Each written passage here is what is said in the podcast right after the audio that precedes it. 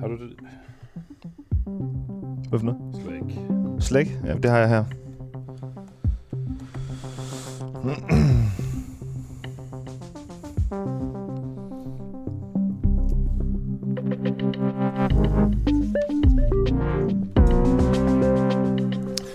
Godmorgen til en uafhængig morgen. Ja, godmorgen Adam, og velkommen tilbage Adam. Ja, tak skal du have. Det er noget tid siden, du har været her sidst. Jamen, det er det jo. Ja. Ja, ja. Øh, Du har haft det godt? jeg har haft det fantastisk. Jeg har været ude og, og undervist på en kunsthøjskole og alt muligt, men øh, nu er jeg stærkt tilbage, Fedt, mand. og øh, jeg håber jo, at der er nogen, der har savnet mig derude. Ja, det har jeg i hvert fald. Ah, det er jeg glad for. Ja, det må jeg bare sige. Ja, Øhm, og vi sender sammen for ja. første gang i dag. Det er også nyt og spændende. Ja det er så. Øh, og øh, vi skal igennem et rimelig godt program, synes jeg. Altså, jeg synes virkelig, vi har et godt program. Vi har et fantastisk Ja. program til jer derude. Øhm, jeg ved ikke, kender du Bjarne Benlås for eksempel? Ja, det navnet er lige gået forbi mig her for nylig. Ja, Også kaldet Lortebjarne. Ja. Nej, vi har simpelthen øh, den mest frygtede indsatsleder øh, i politiet. Øh, altså den mest frygtede indsatsleder blandt det autonome miljø og på Christiania. Øh, I studiet, han kommer her klokken øh, lidt i 8 og gæster os, øh, fordi han øh, der kommer en ny bog, der hedder Store Bjarne Mennesket bag øh, Gadegeneralen. Og øh, Bjarne Benlås, han hedder jo Bjarne Benlås. Ved du hvorfor? nej, det gør jeg faktisk ikke. Nej, men det er jo fordi, at han øh, blev mistænkt for at være en af de betjente, som øh, under en meget, meget voldsom anholdelse af 18-årige Benjamin Skov på Rådhuspladsen nytårsaften 91-92. Altså, husker du Benjamin? Benjamin, øh, han blev fixeret og øh, endte med at øh, få en alvorlig hjerneskade og øh, blev 100% invalid. Det er en ret tragisk sag. Øh, men, men det havde Bjarne ikke noget med at gøre, men det har alligevel givet ham det her navn, øh, fordi han ligesom er den mest berygtede øh, øh, strisser, strømmer, panser, hvad kan man vide, om han synes, det er fedt. det er nok ikke det fedeste, vel? Nej, måske ikke. og så, det er nok heller ikke fedt at hedde Lortebjørn, men det hedder han altså, fordi han også har fået en, en spand lort i hovedet, øh, da han var ude på Christiania en gang. Ja. Og det kan vi høre lidt senere, inden han kommer, hvordan det lyder, når man får en spand lort i hovedet. Det har lige vi fundet det klip. simpelthen en fantastisk Ja. ja. lydoptagelse af. Og øhm, vi skal også øh, snakke om børnene i... Øh, ja, nu er de jo så ikke længere i Syrien. Nu er de jo tilbage i Danmark sammen med, sammen med deres mødre. Men, men den her lange, lange sag, som øh, siden Socialdemokratiet tilbage i maj sagde, nu vil vi gerne have, have børnene og mødrene hjem fra, fra Syrien, så er det endelig sket her i sidste uge. Og øh, vi skal faktisk tale med både Natasha Ræ, som er øh, medstifter af Repatriate the Children Danmark, og senere i programmet her faktisk øh, til, som det sidste interview skal vi snakke med Rasmus Stoklund, som er udlænding- og integrationsordfører, øh, om det samme emne. Ja. Ja.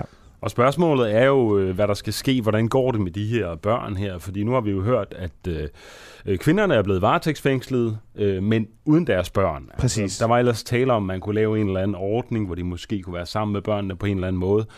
Men spørgsmålet er jo, hvad, hvad, hvad skal der ske altså med de her børn? Fordi øh, de har jo haft det helvede til, og er de blevet totalt radikaliseret? Og hvordan kan man få en resocialisering i gang af de her børn? Øh, bliver det nu bare endnu værre, når de bliver taget fra deres mødre, eller hvad kommer der til at ske? Ja.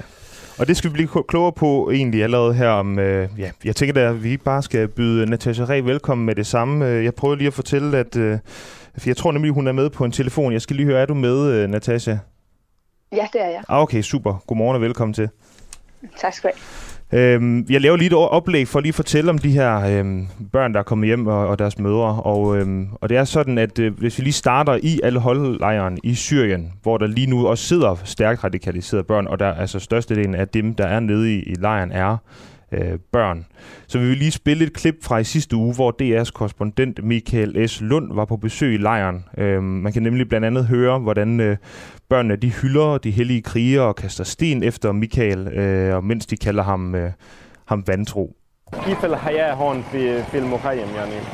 وانا كان الاخوه إخواتك أو الإخوة الإخوة مو إخواتي. آه مين مين الإخوان؟ يعني الإخوة المجاهدين. آه وأنا مكانهم؟ وين مكانهم؟ أعتقد هم في سجن يعني. بالسجن هدي أنت مو مو مجاهدين.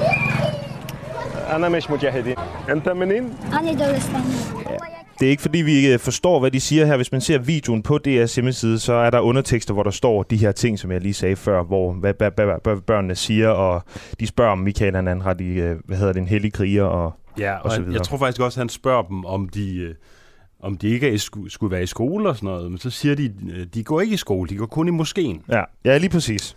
Så Natasha, du, øh, du kender jo de her mødre, du har kontakt til børnene og, og mødrene. Øhm, kan du ikke lige prøve at bare for kort fortælle, hvor børnene er lige nu, mens deres mødre er varetægtsfængslet? Jo, altså, og jeg skal lige sige, de børn, der er kommet hjem, der er nogle af dem, der har øh, længere tid boet i alkoholfangelejren. Jeg har også besøgt øh, både Alros og alkoholfangelejren. Alkoholfangelejren er slet ikke et sted for børn, øhm, og, og det er frygteligt øh, sted, og det er Alros fangelejren også. Øhm, de her børn, der er kommet hjem nu, jeg har mødt øh, øh, børnene i to af familierne efter, at de er kommet hjem og været sammen med dem, og øh, altså, de har det rigtig, rigtig svært. De, de selvfølgelig, altså, man kan mærke på dem, at det er godt for dem at være kommet ud af Alros fangelejren. Jeg har også mødt dem dernede flere gange hvor at de har jo boet i de her små telte øh, i bag hegn og, og med fangevogter. Øh, og der er det, altså det er fantastisk at se dem øh, være her i, i Danmark. Men det er også nogle børn, der er meget, meget påvirket af, at de ikke er sammen med deres øh, mødre. De blev skilt ad fra deres mødre, da de kom til Danmark. Og det er børn, der er små børn, der tænker på deres mødre hele tiden og spørger efter dem, når jeg, når jeg møder dem de har også øh, set os sammen med deres øh, mødre i, i Syrien. Og øh, jeg har oplevet små børn, der, der ligger og græder og, og, og kalder på deres mor og er bange for, at hun fryser, øh, fordi der er koldt her i Danmark. Og en anden lille pige, som går rundt med og krammer et billede af sin mor. Og, og, altså, de, de er meget, meget påvirket af situationen. Man skal huske på, at det her det er børn, der har levet næsten i symbiose med deres mødre de sidste mange år, i, både i fangelejre og så også øh, blevet beskyttet af deres mor. Og, og prøv lige at, at forklare en gang, hvor er de her børn nu, og hvem, hvem tager sig af dem? Øh, de er sammen med deres øh, hvad hedder det, familier øh, og, og, i, og de sociale myndigheder i Danmark. Men hvor opholder de sig henne? Det må jeg ikke sige noget om, Nå, okay. altså hvor, hvor de opholder okay, sig. men er det privat, men, eller er det, insti- er, er, det er det inden for en institution, eller er det privat, eller det må du måske ikke det, sige? Det kan jeg heller ikke sige noget om. Jeg, jeg kan bare sige, at, at de er, er sammen med nogle gode mennesker, der okay. tager sig af dem, okay. både familie og, og, og professionelle folk det er sådan, i den her video med Michael S. Lund, så ser man jo de her børn, hvor nogle af dem er jo på samme alder, som, som de børn, der også er kommet til Danmark. Og det er også derfor, vi lige vil spørge, sådan, fordi når man hører på de her børn, så tænker man, de er godt nok øh, medtaget, i hvert fald blevet hjernevasket, måske endda radikaliseret af at være i de her lejre. Ham, altså, kan man, øh, kan man udelukke, at børnene er blevet radikaliseret, mens de har siddet i de her lejre? Altså mit indtryk er ikke, at de her børn, der er kommet hjem, øh, er, er radikaliseret. Altså dem, vi har mødt flere gange, øh, både i lejren og, her, og herhjemme, er på ingen måde, altså det er i hvert fald ikke mit indtryk, det er øh, søde børn, der laver tegninger, som jeg har øh, taget med hjem til deres bedste forældre, og som jeg selv har fået af dem med store hjerter og huse og træer, og det er børn, der er, er stille og rolige. Øh, jeg har som sagt også oplevet de her børn øh, i alle hovedfangerlejren, som har kastet sten efter os og råbt, at vi er, er vantro og, og kaldt sig selv for martyr, og hvor vi har måttet flygte ud af, af fangelejren. Så der er rigtig mange meget radikaliserede børn i, i Ja, det er vel måske nogle, de, nogle af de samme børn, som de her børn, der nu er kommet til Danmark, som de har leget med måske. Altså det, det ved man måske ikke, men, men er der nogen, der laver mentalundersøgelser af de her børn lige nu, for at finde ud af, om de er blevet øh, hjernevasket eller radikaliseret dernede? Altså, altså det, det et, et er, at du har et indtryk, altså, men der er vel også nogen, der skal sådan, ja. give en professionel vurdering? Jo, jo, der, altså, men, øh, der kommer til at være øh, nogle professionelle til at undersøge, men man skal også huske på, at, at de, mange af de her børn, der er kommet hjem, altså deres mødre flygtede med dem fra islamisk stat, for øh, den ene, øh, nogle af børnene har siddet med deres mor i, i fangelejre i fængsel i, i det kurdisk kontrollerede område i fire et halvt år. Øhm, og, og mange af de kvinder, som har været med deres børn i al fangelejren, det er den milde af de her lejre, der går man ikke helt tildækket, og der er mere styr på det det er kvinder, som flygtede fra islamisk stat, der har været der. Og det, altså, det, vi har også talt med de professionelle, der arbejder i lejren, der kender de her mødre og kender børnene, som siger, at det er nogle, øh, har været nogle kærlige, eller det, var en, det er nogle kærlige mødre, og at, at børnene, altså, at de, øh, der er ikke øh, noget med dem. Altså, det er ikke på ingen måde mit indtryk, at de her børn, de øh, har været radikaliseret. Jeg har aldrig hørt dem tale om, at vi var vantro, eller øh, altså, været aggressiv, eller, altså, jeg har set nogle af de store drenge øh, sidde og græde foran mig, fordi de ikke kunne lide at være der, fordi de synes, det er ubehageligt, at de andre børn øh, slog dem, og at de ikke kunne lide at være bag et, et hegn, og ikke vidste, og altså bare gerne ville hjem til Danmark. Så det er i hvert fald ikke mit indtryk, at, at de børn, jeg har mødt, at, at de er, er radikaliseret. Men det er klart, okay. det er jo nogle professionelle folk, der skal tage sig af det. Altså det, det Hvor gamle er de her børn, øh, vi taler om? De er mellem 2 og, og 15 år. Okay. Ja. Men sådan en, en, øh, en knæk på 15 år, han må vel alligevel have været udsat for, for ret meget øh, hjernevask i forhold til, øh, til ISIS. Og, øh, Ja, en pige på, øh, på, på jeg Ja, tror, hun er knap 15 år. Øh, hvad hedder det? Altså, det skal jeg jo ikke kunne sige. Altså, at, at mange af de børn, altså de, de, dem jeg har mødt, de har jo været i fire og et halvt år og tre år i, i fangelejrene, uden at være sammen med is, islamisk stat. Men, men, men det er selvfølgelig muligt, at øh, der er nogle af børnene, der har været påvirket af, af det, de har, har oplevet også, da de var sammen med islamisk stat. Og, og det er jeg sikker på, at der er nogle rigtig dygtige professionelle folk, der kan, kan vil, vil kunne tage sig af. Har du nogensinde talt om øh, islamisk stat med dem? Er det kommet på tale på noget tidspunkt, men- mens I har talt sammen?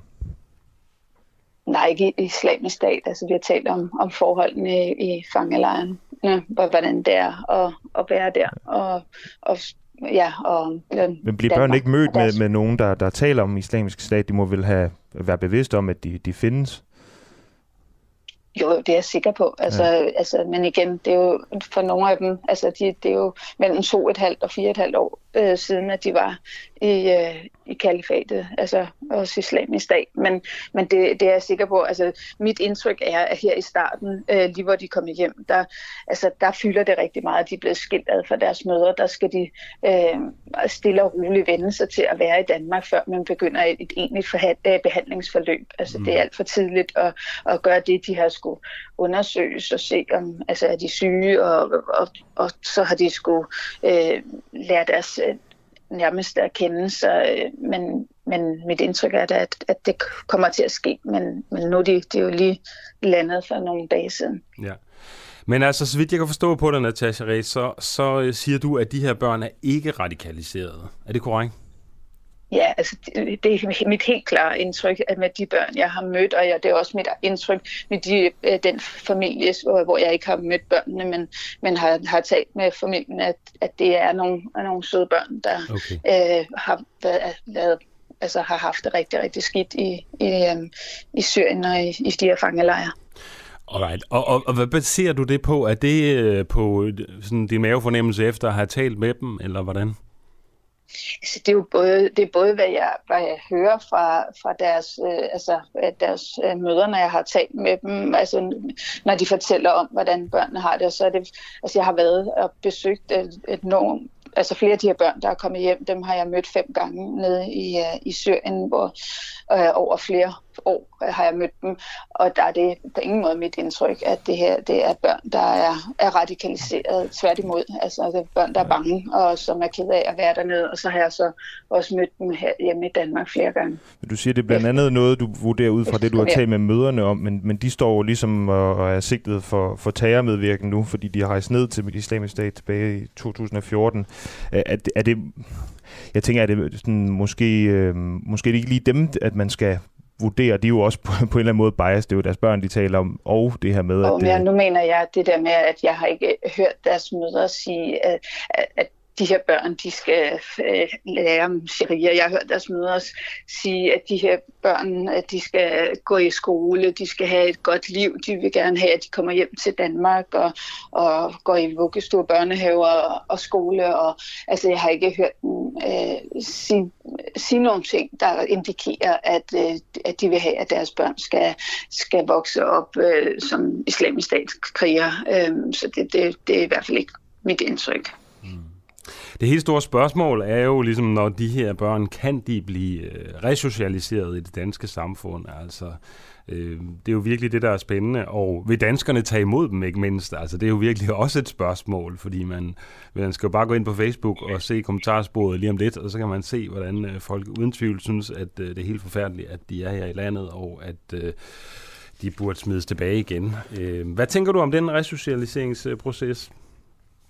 Jamen, jeg håber da hele mit hjerte, at folk tager øh, godt imod de her børn. De har været igennem et mareridt, altså de har været i, i krigsområdet, de har oplevet øh, skyderi og bombeangreb, de har levet i fangelejre, altså i virkelig umenneskelige fangelejre i overvis. De har siddet i fængsel sammen med deres øh, mødre i altså små celler med øh, mange andre kvinder og, og børn under altså forfærdelige forhold. De er, altså børnene er traumatiseret, de er, er under nogle af dem. Altså, jeg, jeg, altså de har brug for at blive budt velkommen. De har brug for kærlighed, de har brug for og, altså et rigtig godt liv, og nu er de så også blevet skilt fra deres mødre, som har været den eneste øh, tryghed i alle de her år, hvor at de har boet i, ja, i, i nogle øh, fangelejre, hvor der også er meget ekstreme kvinder, øh, som de også skulle beskytte dem imod. Så jeg, jeg, jeg håber, altså jeg, jeg er, er så sikker på, at hvis man øh, modtager dem her på en ordentlig måde, og, og heldigvis er det, altså de øh, professionelle folk, vi har mødt, at, at altså øh, der hvor de er, at der, det er nogle, nogle rigtig dygtige mennesker, og jeg ja. håber da, at, øh, ja, at de er sammen nogle kærlige familier. Så, så det, det er dem, det er mit ønske. Ja, lad os da håbe det. Øh, vi skal ja. tale med Rasmus Stocklund senere på morgenen, faktisk 10 øh, minutter i 9 cirka. Øh, er der noget, du gerne vil have, vi spørger ham om? Øh, ja, altså jeg, jeg, øh, nu har man taget de her 14 børn hjem og deres tre mødre. Jeg, øh, altså der er jo stadig øh, fem danske børn øh, nede i fangelejren med deres mødre. Jeg øh, vil gerne, altså jeg, jeg håber, han vil tage dem hjem også, at mm. regeringen vil, vil tage dem hjem også, fordi øh, at der er der en klar risiko for, hvis man lader dem blive overvist ned i de her fangelejre, at, øh, at de så ikke øh, kommer hjem og kan få et ordentligt liv. Så, øh, og at, at de overhovedet, om de overhovedet overlever, hvis de bliver der i mange år. Så du må gerne spørge ham, om, om ikke også man begynder at overveje at tage de sidste øh, fem danske børn hjem. Det er godt, uh, Natasha Rie. Det vil vi uh, gøre. Du er journalist og medstifter af Repatriate the Children Denmark. Tak fordi du var med, og fortsat god morgen til dig. Selv tak. Har vi ikke en jingle her et eller andet sted? Den virker åbenbart ikke. Den virker Nå. ikke, nå. Jeg læser lige en uh, kommentar op fra Nynne, imens uh, vi undrer os over, hvorfor den ikke virker. Nej, det er simpelthen, fordi lyden ikke er skruet op her. Ja. Godt, så ved vi det. Nå, uh, Nynne fra Facebook uh, skriver, selvfølgelig skal de ikke være sammen med de mødre, der har udsat dem for dette, og ligeledes uh, skriver Hans Reppel også på Facebook, jeg har så svært ved at sætte mig ind i, hvad de mødre tænkte, da de tog ned. De har ødelagt de børns liv fuldstændig, så Øh, det håber vi jo ikke, de har. Altså, nej. De har nok ikke givet den bedste start på livet, men vi håber jo, at, øh, at der faktisk er en mulighed for, at de her børn kan, kan blive resocialiseret igen og, og blive velfungerende statsborger. Ja, jamen hvorfor skulle man ikke håbe det? Altså, det er vel det, alle håber, tænker jeg. Ja. Vi skal jo også lige sige, at øh, hvis du har et spørgsmål til nogle af vores kilder, eller bare generelt gerne vil kommentere på vores program, jamen så kan du sende os en sms på 1245 øh, Skriv DUAH efterfulgt af din besked. Og vi sender jo også live på Facebook. Vi kan lige vinke derinde, øh, hvor du kan kommentere i øh, Facebook-tweetet, eller hvad hedder det, kommentarsporet, så tager vi også det med. Og hvis du synes, det vi laver er godt, så skal vi også, også lige sige, at uh, I meget gerne må, må støtte det, vi laver her på Den Overhængige. Det er kun på, på grund af de, uh, de penge, vi får ind fra jer, at vi overhovedet kan lave det, vi laver. Uh, jeg arbejder for eksempel gratis, uh, så, så ingen af jeres støttekroner går uh, til mig. Uh, man kan støtte på den måde ved, at man sender, uh, uh, 9, sender en sms til 1245, hvor man skriver UA, U som Ulla, uh, A som Anders og så vil man modtage et link, hvor man så kan gå ind og, og, og støtte, og så tegne sådan en fast månedlig abonnement. Der er ikke nogen binding, det er ikke det, vi holder fast i jer i flere år, eller en måned, eller noget som helst. I kan altid opsige det her abonnement, hvis I lige pludselig synes, at vi er blevet ringe. Fra dag til dag, ja. Og ja. man kan også melde sig ind igen, når man fortryder, øh, ja. at man melder sig ud. Så det er jo fantastisk. Ja. Vi er meget large her. Lad os få en lille jingle. Yes. Godt at høre det på plads igen. Nu skal vi tale om øh, torskekvoter, altså ved de nye reduktioner af torskekvoten til livet af dansk fiskeri i Øresund. Det er sådan, at sæler, skarver og russiske fiskere tror torskebestanden i den danske del af Øresund. Nu skal Europas fiskeriminister diskutere et EU-forslag om at reducere danskernes torskekvoter i farvandet med hele 92 procent. Vores kollega Mads Bjergård spurgte formanden for Bornholms Fiskeriforening, om en reduktion af fiskerikvoten vil være en god eller dårlig idé for torskebestanden. Det kommer her. Det har jeg meget svært ved at se. Øh, altså, øh, lige som du siger, det er, det er ikke bare sort-hvidt. Det der, det, der sker, det er jo, der er altså andre prædatorer. Der er skarver i vestlig Østersø, der er sæler også i vestlig Østersø. Vestlig Østersø er dog ikke så hårdt ramt som øh, østlig Østersø med sæler, men de er begyndt at komme den vej, fordi de har stort set udryddet torsken i østlig Østersø. Mm. Så øh, det, det, det er altså bare at lukke ned for fiskeriet. Man kunne sagtens, man kunne sagtens øh, stadigvæk have et fiskeri, altså skære, skære i kvoten, men ikke så hårdt, som man gør her, sådan så der stadigvæk var nogle fiskere. Altså på den her måde, så er der ingen fiskere tilbage. Okay, altså så, så torsken kan sagtens overleve, selvom man øh, skærer i, øh, altså selvom man fisker den? Jamen altså, øh, efter ICES egne tal, nu øh, er jeg ikke øh, biolog og, og helt nede i det der, men vi kan du lige sige, hvem, hvem er det? Hvem er ICE? Øh, kan du lige forklare, hvad det er? Bare super. ICES, det er International øh, Havforskningsråd, som skulle være uvildige, og det er dem, der Okay. kommer med deres anbefalinger, som politikerne så ligesom arbejder ud fra. Okay, så hvis, hvis man... Øh, altså, jeg spørger lige igen, bare lige for jeg synes måske ikke, det var det helt klare øh, svar, øh, øh, om det er altså godt for torsken øh, som bestand, at man laver den her kvotereducering. Selvfølgelig vil det da også hjælpe torsken, men man griber stadigvæk ikke fat om Nellens rod. Vi har en stor bestand af skarver, som tager alle ungtorskene, som ikke når at vokse sig store, og man har nogle sæler, som svømmer rundt og spiser ud af de store fisk. Så øh, øh, det er ikke kun at lukke ned for fiskeriet. Altså, lige i vestlig Østersø, øh, der vil det jo nok hjælpe, men hvis vi siger for eksempel i østlig Østersø, jamen hver gang, at der er en fisk, der bliver fanget og går ud, øh, altså øh, i fiskeridødelighed. Jamen, jeg tror, den- jeg tror ikke, at der er, nogen vil jo nok mene, at, at, øh, at både skarven og sælen, at det er sådan en naturlig del af et, et øh, hvad skal man sige, økosystem i, øh, altså, nogen de, der er jo dyr, der spiser andre dyr.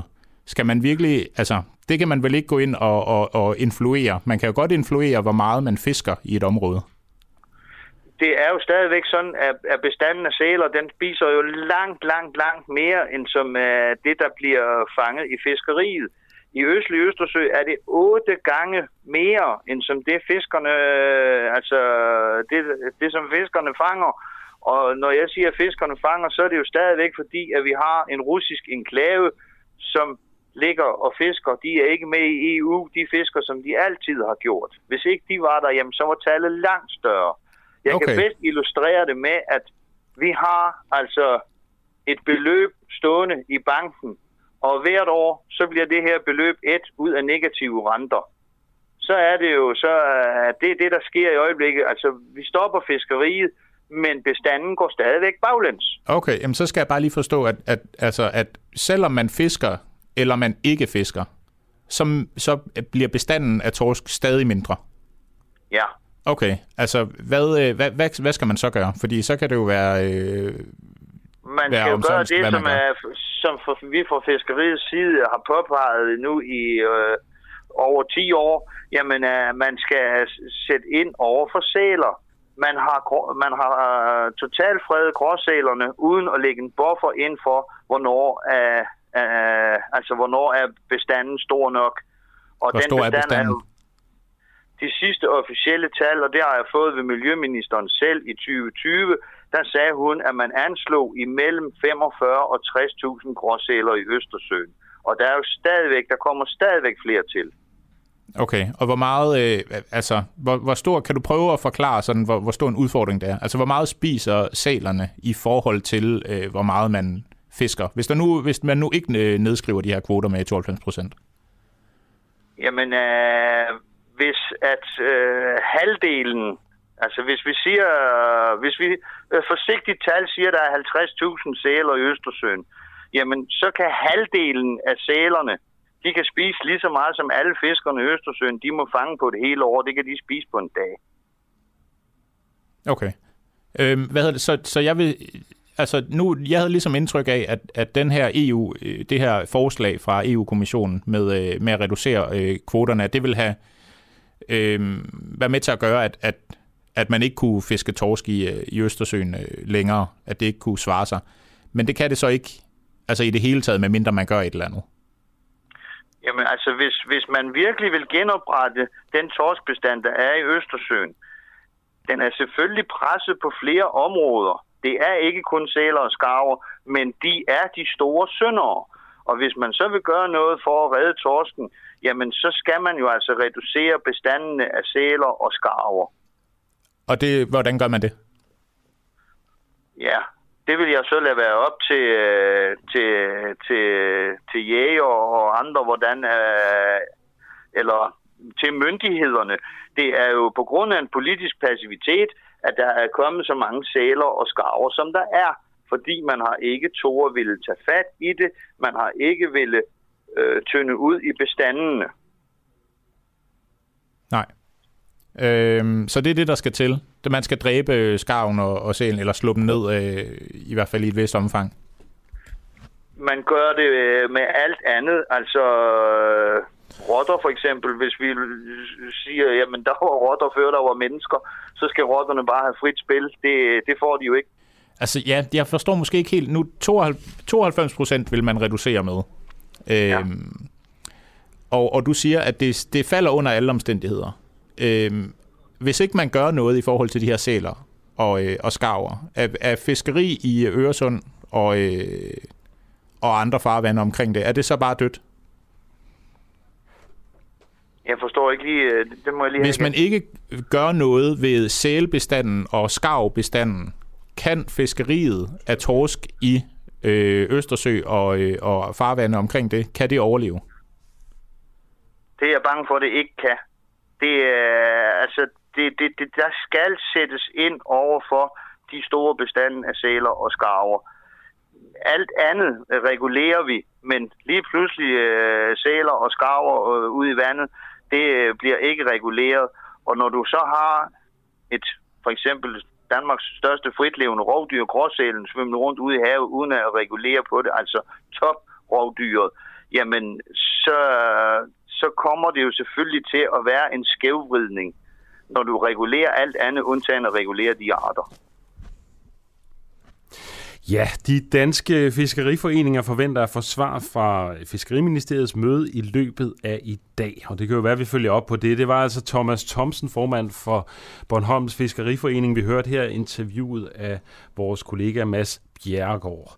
Og så har vi også fået et par sms'er ind i forhold til vores øh, forrige interview med øh, børn, øh, angående børnene, i, øh, der er kommet hjem fra islamisk stat. Det er Anja Godt Hansen, der skriver, nu får de en chance til.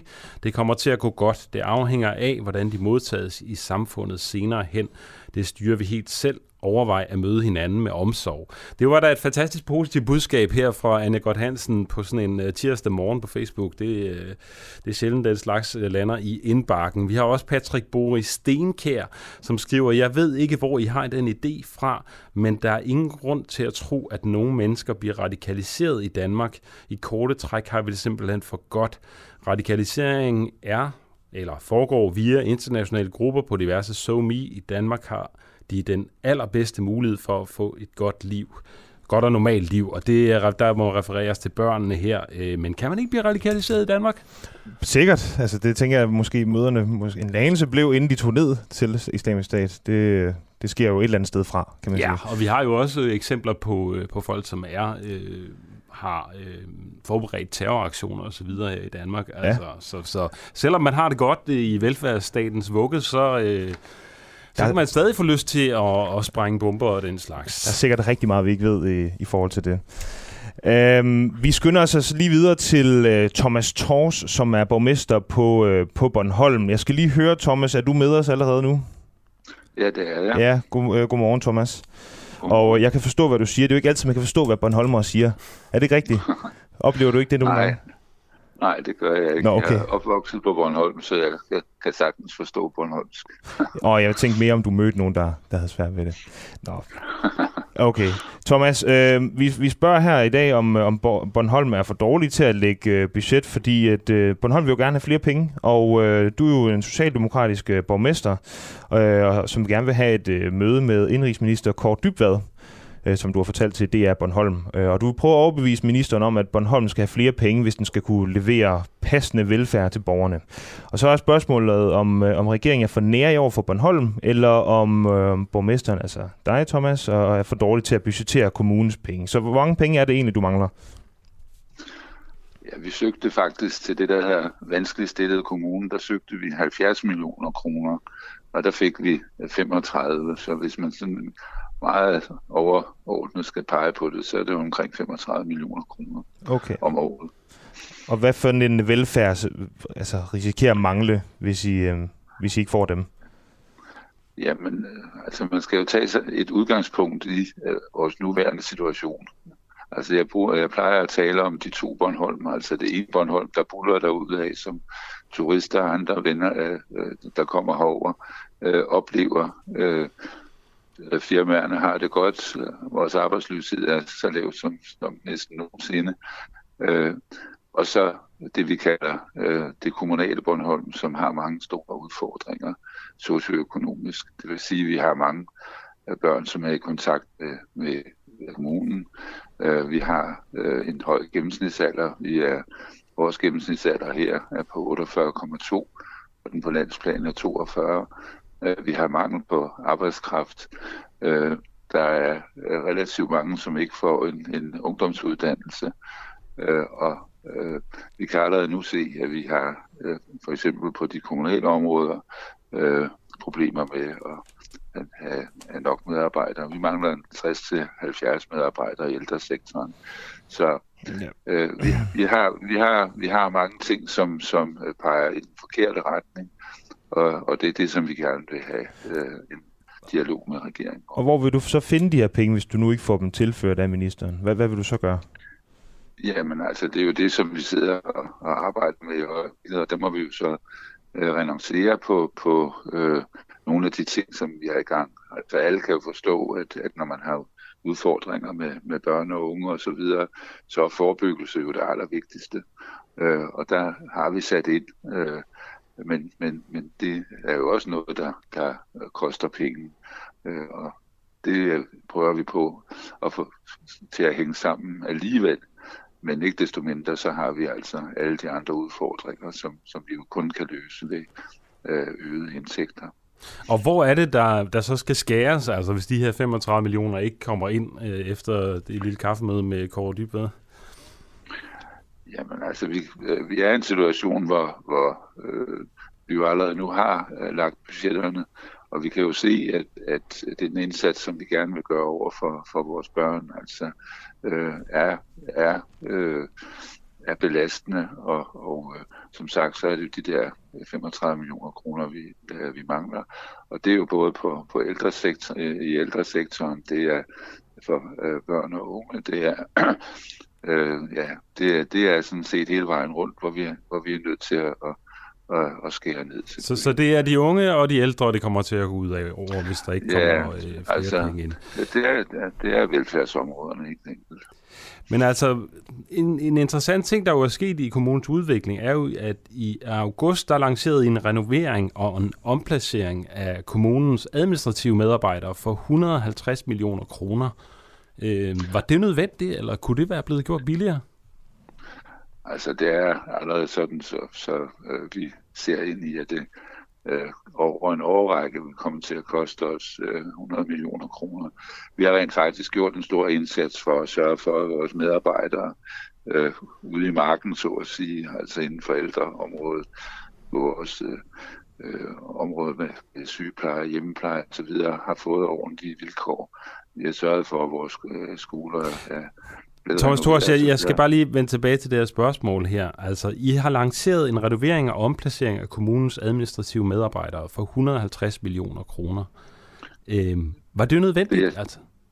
det, ja, det er det. Ja, det vil du selvfølgelig sige, altså, men kunne det være blevet gjort billigere? I, i, øjeblik, Jamen, det er jo det, jeg prøver på at sige, at vi peger i øjeblikket, så er den udgift, vi har, Øh, 112 millioner kroner, og der øh, har vi allerede afsat 12 millioner kroner, så netto er det omkring 100 millioner, vi skal fordele, og det er nødvendigt. Altså, vi har vores medarbejdere sidder øh, øh de centrale medarbejdere i øh, gamle sygepleje eller gamle sygeplejeboliger, øh, som, som, hvor, hvor arbejdsmiljøet simpelthen er dårligt. Altså, vi må sidde med sådan nogle indikatorer i loftet for at se, hvor meget øh, CO2 der er i lokalerne øh, den rød, så skal man åbne vinduerne, selvom det er øh, regn og, og sne og, og så Nå, videre. men det lyder, jo, det lyder jo helt forfærdeligt, det her, øh, Thomas Thors. Vi vil gerne give en lille servicemeddelelse, hvor vi også taler Bornholm lidt op, altså nu når det mangler øh, arbejdskraft og sådan noget. Kan du ikke lige komme med et pitch, altså hvorfor det er, at man skal flytte til Bornholm?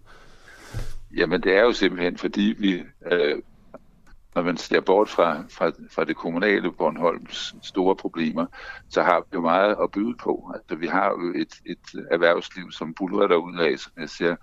Vi har jo øh, vores fantastisk øh, skønne Bornholm.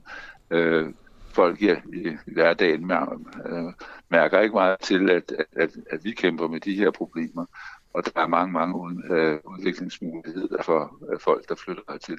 Og vores opfattelse er jo, at det rent faktisk er lykkedes for os at få øh, initiativrige mennesker herover, som er glade for at være herover. Jeg har lige overværet en, en debat mellem unge iværksættere, som kommer overfra, som, som øh, i den grad priser den indsats, som øh, der bliver gjort for, for iværksættere. Og det er den hele, det er den, det, det er den historie. Vi har det simpelthen. Øh, hovedparten af os det er rigtig, rigtig godt, øh, men, men vi har altså også øh, som, som kommunalpolitikere øh, ja, ja. Øh, krav, til os selv om at, at gøre det godt for os alle. Okay, Thomas. Tusind tak, fordi du var med her til morgen. Det var, det var, det var dejligt lige at tale med dig, og kan du have en rigtig god øh, tirsdag. Selv tak. Hej. Det var altså Thomas Thors, øh, socialdemokratisk borgmester på Bornholm, vi talte med. Lige præcis. Og det er faktisk et tip, den her historie er med i programmet i dag, på grund af et tip fra vores lytter Peter Bredal, som skrev ind på vores øh, redaktionslokale, som man får adgang til, når man så er, er medlem, og altså betaler enten 39 kroner om måneden, eller 349 kroner om, øh, om året. Og øh, det er også de penge, der gør, at vi for eksempel har kunnet lancere et eftermiddagsprogram, øh, som hedder Ring, hvis jeg tager fejl. Har du hørt det, Adam? Det har jeg øh, ganske kort. Ja, det ja. er et fantastisk program. Ja. Har du ringet ind? Det, det har jeg ikke, fordi jeg er stort set øh, uenig i alt, hvad, øh, hvad den gode Steffen han står Så skal og du netop ringe ind. Jamen, på, ja, det er jo ligesom det, der, der er sådan lidt twistet ved det der program. Ikke dem, der skal ringe ind, de har jo, det er ikke dem, der lytter til det på en eller anden måde. Fordi de, de gider ikke høre på sådan en superliberalist, der står og taler. Øh, så får han jo bare taletid af den jamen, her det gør han jo. Ja, det er jo det. Det er jo et problem, hvis I ikke ringer ind, hvis man er ja. uenig. Men øh, der er helt sikkert nogle lyttere derude, der, der gerne vil ringe ind, og som kan blive provokeret af, af Steffen øh, Larsen, som han hedder, ja. som jo er øh, medlem af Liberal Alliance, ikke sandt? Jo, han er i hvert fald siddet i deres hovedbestyrelse, tror ja. jeg. Og meget ja. glad for Glistrup og Thatcher ja. og Reagan og alle de der ja, ja. øh, helvedes skale. Jamen, altså, hvis man stiller ham et spørgsmål om et eller andet principielt eller en holdning, så kan han godt tale altså, meget lang tid. Ja, men han er en ja. god vært, vil jeg sige. Ja, ja. Han er virkelig øh, god til at tale Og han ved meget. Ja. ja. Nå, men det øh, hør det her klokken, øh, mellem klokken 16 og klokken 18 hver dag, øh, hver eftermiddag. Øh, det er et nyt standpunkt, han tager hver, øh, hver dag, og han øh, ligesom teaser for det om morgenen på vores Facebook-side, så man ligesom kan se, hvad er det, man, øh, manden mener, og hvad er det, man skal ringe ind og sige, han tager fejl med. Og så skal man jo ligesom kunne modargumentere ham. Det, det, det er skide sjovt at lytte til. Så det synes jeg virkelig, I skal prøve her fra klokken 16 til, til 18. Ja. ja. Godt. Nu skal vi tale øh, med øh, Kasper Sandkær, som er retsordfører for Socialdemokratiet, og det skal vi, fordi at øh, skiftende regeringer i Danmark har i overvist holdt fast i at registrere, hvem borgerne ringer til og sms'er til. Øh, altså det ved jeg ikke, om du vidste. Altså alt, hvad vi kommunikerer med hinanden om, når jeg ringer til dig, og når jeg sender sms'er til dig, så bliver det simpelthen registreret og lagret, sådan så man tid senere hen kan gå ind og... Øh, og tilgå den information, altså hvis der er noget, man opdager, at vi er ved at blive radikaliseret ja. eller et eller andet. Ikke? Ja, ja. Og øh, det er jo også derfor, man har kunne optravle terror og ting og sådan nogle sager. Men det er altså ulovligt, den her lokning, fastslår EU. Man må ikke foretage sådan en generel bred registrering af data. Øh, men det vil den danske stat nu øh, omgå ved at målrette indsatsen til et geografisk begrænset område, som i princippet kunne omfatte hele Sjælland og 3 millioner mennesker. Det skriver information her. Godmorgen Kasper Sandkjær. Godmorgen. Spørgsmålet til dig er jo, hvordan er lokning, der potentielt set kan overvåge 3 millioner danskere målrettet? Jeg må ikke lige starte med øh, at rette, hvad jeg synes lød som en misforståelse i, i dit oplæg. Oh, det må der. altså, der, er jo ikke, der har jo aldrig været tale om, om lokning af indholdet i for eksempel sms'er eller telefonopkald. Det er jo alene det. Altså lokning handler grundlæggende om, at, at man opbevarer oplysningerne om, øh, et, øh, hvor har man været henne, altså i virkeligheden, hvilke antenner Ja. øh, har man været i nærheden af. Det kan man ligesom bruge til øh, kan man sige, at fastslå nogenlunde øh, øh, position, og så øh, kan man sige, hvem man har, eller hvilke telefonnummer man har ringet til, eller sendt sms'er til, men ikke noget om, øh, om indholdet. Hvad, Øh, hvad med er sådan set- efterretningstjenesten? Øh, Kan de ikke gå ind og se indholdet? Altså, det har i hvert fald ikke noget med logning at gøre. Øh, Det, det tror jeg er nogle andre, øh, nogle andre greb, hvor man jo så senere hen, og uanset hvad, kræver begge dele jo en doms, øh, altså kræver jo en dommerkendelse. Ja. Så potentielt set, så, de, øh, så bliver ens, altså ens samtaler bliver faktisk optaget, og, og ens sms'er bliver optaget. Men man kan ikke bare tilgå det uden videre, man skal ligesom have en retskendelse.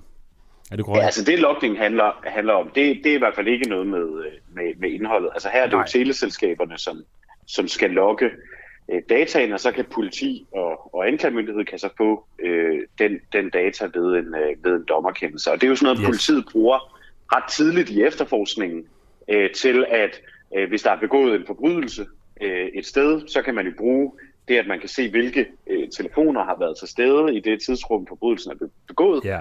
øh, til så at, og kan man sige, sådan lave den første ro liste over, hvem, hvem er det, der kunne være interessant at tale med i, øh, i, i den her sag. Det er sådan set et ret vigtigt, øh, rigtig vigtigt redskab for øh, politiet i sådan den tidlige efterforskning, men jo også senere hen i forhold til bevisførelsen, fordi man kan bruge det til at bevise, hvem øh, der har været øh, det sted, hvor øh, forbrydelsen er, øh, er begået. Og det er jo, altså Det er klart. her taler vi jo om forbrydelser, som er sådan i den grove ende, ikke? Altså det er grov vold og voldtægt og mor og, og terror Ja. og den type kriminalitet. Så hvis man har fanget nogen på overvågningskamera øh, med et overfald eller en voldtægt eller noget, jamen så kan man gå ind på telefonmasten og se, okay, det er de her personer, der har logget på det her netværk, fordi de har været i nærheden, og derved har man en større chance for at, at pågribe de kriminelle. Men altså, hvis jeg har været ude og gå en eller anden søndagsaftentur, så står jeg lige pludselig også på den liste, og er derfor potentielt set også øh, et muligt gerningsmand. Øh, og det er ikke sikkert, at jeg har lyst til at, at ende i den boldgade. Nej, altså det, det er jo rigtigt. Det kan man jo godt ende på en liste. Man vil jo nok meget hurtigt ryge, ryge af den igen, når politiet finder ud af, at du i øvrigt er en, er en lovlydig borger og ikke har noget med det at gøre. Det er jo ikke fordi, det her er det fældende bevis Nej, øh, nej. I, en, øh, i, en, i en retssag. Øh, men Så det er jo i virkeligheden mest et efterforskningsværktøj. Det er til gengæld et rigtig vigtigt øh, efterforskningsværktøj. Ja. Derfor er det jo øh, i virkeligheden enormt ærgerligt, at øh, domstolen nu har afsagt øh, en række domme, som siger, at at den måde, vi har lavet logning på i Danmark og i andre europæiske lande, øh, åbenbart skulle være øh, imod øh, EU-reglerne. Ikke? Og derfor er vi jo sådan nødt til at fremsætte det her lovforslag, øh, hvor vi går fra den her kan man sige, generelle logning, hvor de her oplysninger i virkeligheden bliver opbevaret for, for hele landet, og man så kan tilgå det efter en dommerkendelse til nu at skulle gøre det øh, målrettet, øh, som, som det hedder. ikke. Og, øh, og øh, det er jo så det, du, du startede med at spørge om, hvordan kan det være målrettet, hvis det er et areal øh, på størrelse med Sjælland. Det tror jeg ikke, der er nogen, der ved endnu, hvor stort området øh, præcis kan blive, men, men, men det, der har været vigtigt for os, har jo været at gå så langt, som vi overhovedet kan inden for rammerne. Ja, I prøver ligesom at omgå... af øh, domstolens dom. Nej, vi prøver ikke at omgå, men vi, vi prøver at gå Nej, men kan altså prøv at snige lidt udenom EU. Altså, som jeg også kan høre på dig, så synes du, det er mega irriterende, at EU øh, blander sig i det her. Er det ikke rigtigt? Jo, Ja. jo. Du vil gerne have, at der simpelthen var total lokning over hele Danmark. Jeg vil gerne kunne fortsætte med øh, den måde, vi har gjort det på siden øh, 2006, ikke? og som har været et rigtig vigtigt værktøj for ja. politiet. Og kan du ikke se noget problematisk i det, i, i den her lokning? Altså helt ærligt nej.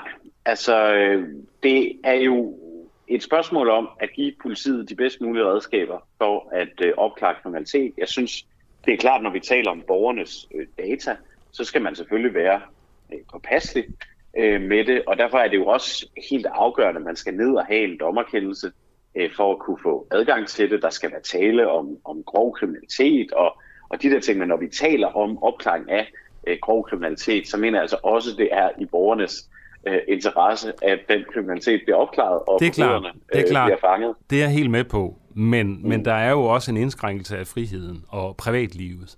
Øh, Hvorfor? ja, fordi Den er dit frihed begrænset af. bliver begrænset af, at jeg bliver registreret, øh, hvor jeg bevæger mig hen hele tiden. Det er ikke sikkert, at jeg har lyst til det. Der må det være en... Men det bliver jo ikke registreret hele tiden, sådan at der sidder nogen, der følger med i, øh, hvor du er henne. Det er jo kun i det tilfælde, at der skal opklares en, en forbrydelse. Det er at, klart, øh, det men, men det bliver registreret overalt, hvor jeg bevæger mig, hvilke master jeg bliver logget på, og det vel en, en overtrædelse af privatlivets fred. Jeg tænker, det er derfor, at EU-domstolen ligesom har, har valgt at, at, at, at lukke ned for den her, øh, den her lokning i Danmark. Ja, det, det er jo sikkert nogle af de argumenter. Det er jo ikke, fordi det er første gang, jeg hørte det. Det er der også andre, der, der fremfører. Altså, jeg tror ikke helt, at jeg anerkender, at, at det sådan er en krænkelse af... af Nej, det kan jeg forstå. Nej, det kan jeg forstå. Ja, ja. Kan man sige, oplysningerne jo kun bliver brugt i det tilfælde, der Ja. er tale om, om Så- opklaring af en, af en grov forbrydelse. Så jeg kan forstå på dig, øh, Kasper Sandkær, retsordfører for Socialdemokratiet, at du ikke synes, at det er en indskrænkelse af privatlivets fred, at øh, der foregår den her lokning.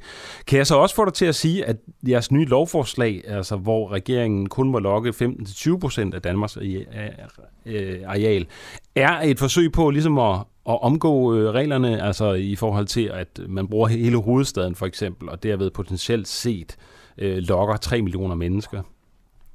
Ej, jeg synes faktisk, det er vigtigt at sige, at det her er ikke at omgå øh, den dom, men det er at gå så langt som overhovedet muligt inden for rammerne øh, af den dom. Vi har jo ikke i Danmark tradition for, at, og det gør vi heller ikke her, at lave lovgivning, som vi måske godt ved er i modstrid med EU-lovgivningen. Altså vi holder os inden for rammerne, det er den juridiske vurdering, at, at det lovforslag, vi har fremsat nu, holder sig inden for rammerne af, af EU-dommen. Så det er ikke en omgåelse, men det er klart at gå så langt, som vi overhovedet kan øh, inden for rammerne af dommen. Og det er jo fordi, vi gerne vil give politiet det her redskab til at opklare alvorlige forbrydelser.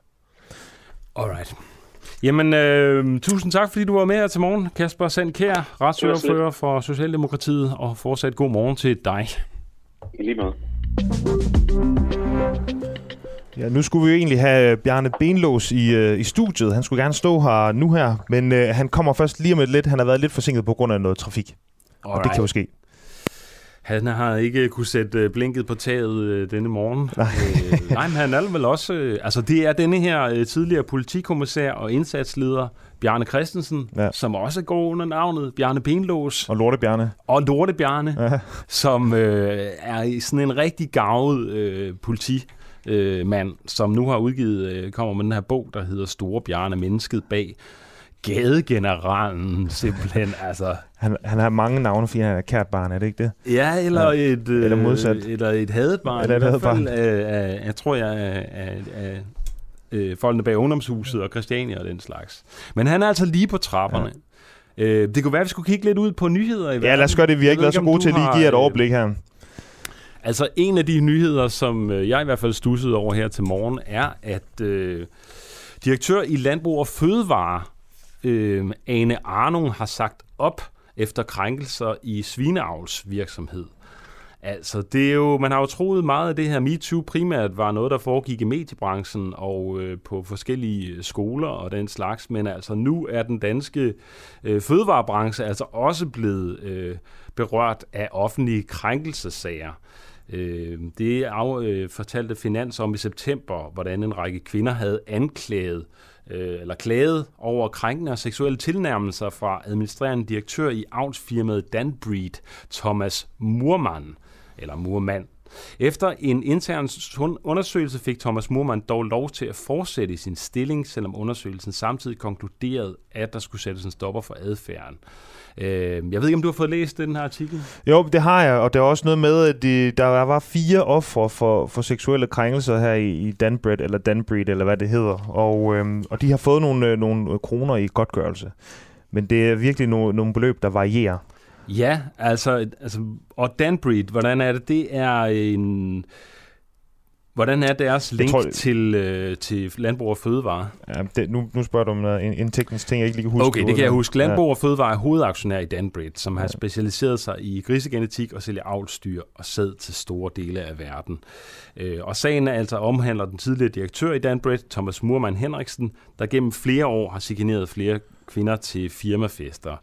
Og øh, det har de så ligesom prøvet at råde bod på bestyrelsen, og det er åbenbart ikke lykkes. Øh, flere kvinder har dog modtaget erstatninger, som du siger. Altså tre offer for sexchikane i virksomheden er blevet tilbudt mellem 25 og 50.000 kroner i erstatning. Og så er der så det her fjerde offer, der har fået 700.000 kroner. Øhm, og hvad fanden er der sket med hende? Ja, man tænker sådan de der takster, ikke? Altså, hvad, hvad, hvad er 25.000? Er det et klap i røven, eller er det... Det er nok øh, Østergaards hånd på Lotte Rode. Ja, er det ikke 25.000? Jeg, jeg tror, det er mere end det. Tror du det? Ja, ja. jeg tænker bare, et 700.000, det må alligevel være... Øh, altså, det lyder kriminelt meget. Det lyder lidt kriminelt. Ja, det synes jeg. Ja, ja. Det er en årsløn, som er blevet øh, udbetalt i, ja. i godtgørelsen. Øh, det er, at kvinden har forladt øh, virksomheden halvandet år for inden øh, og blevet tilbudt 12 måneders løn som del af en fratagelsesordning. Og altså, sagen er jo så, at øh, Anne Arnung, øh, som jo er direktør for Landbrug og Fødevare, simpelthen har opsagt sin stilling, fordi hun er utilfreds med, hvordan øh, den her sag er blevet håndteret.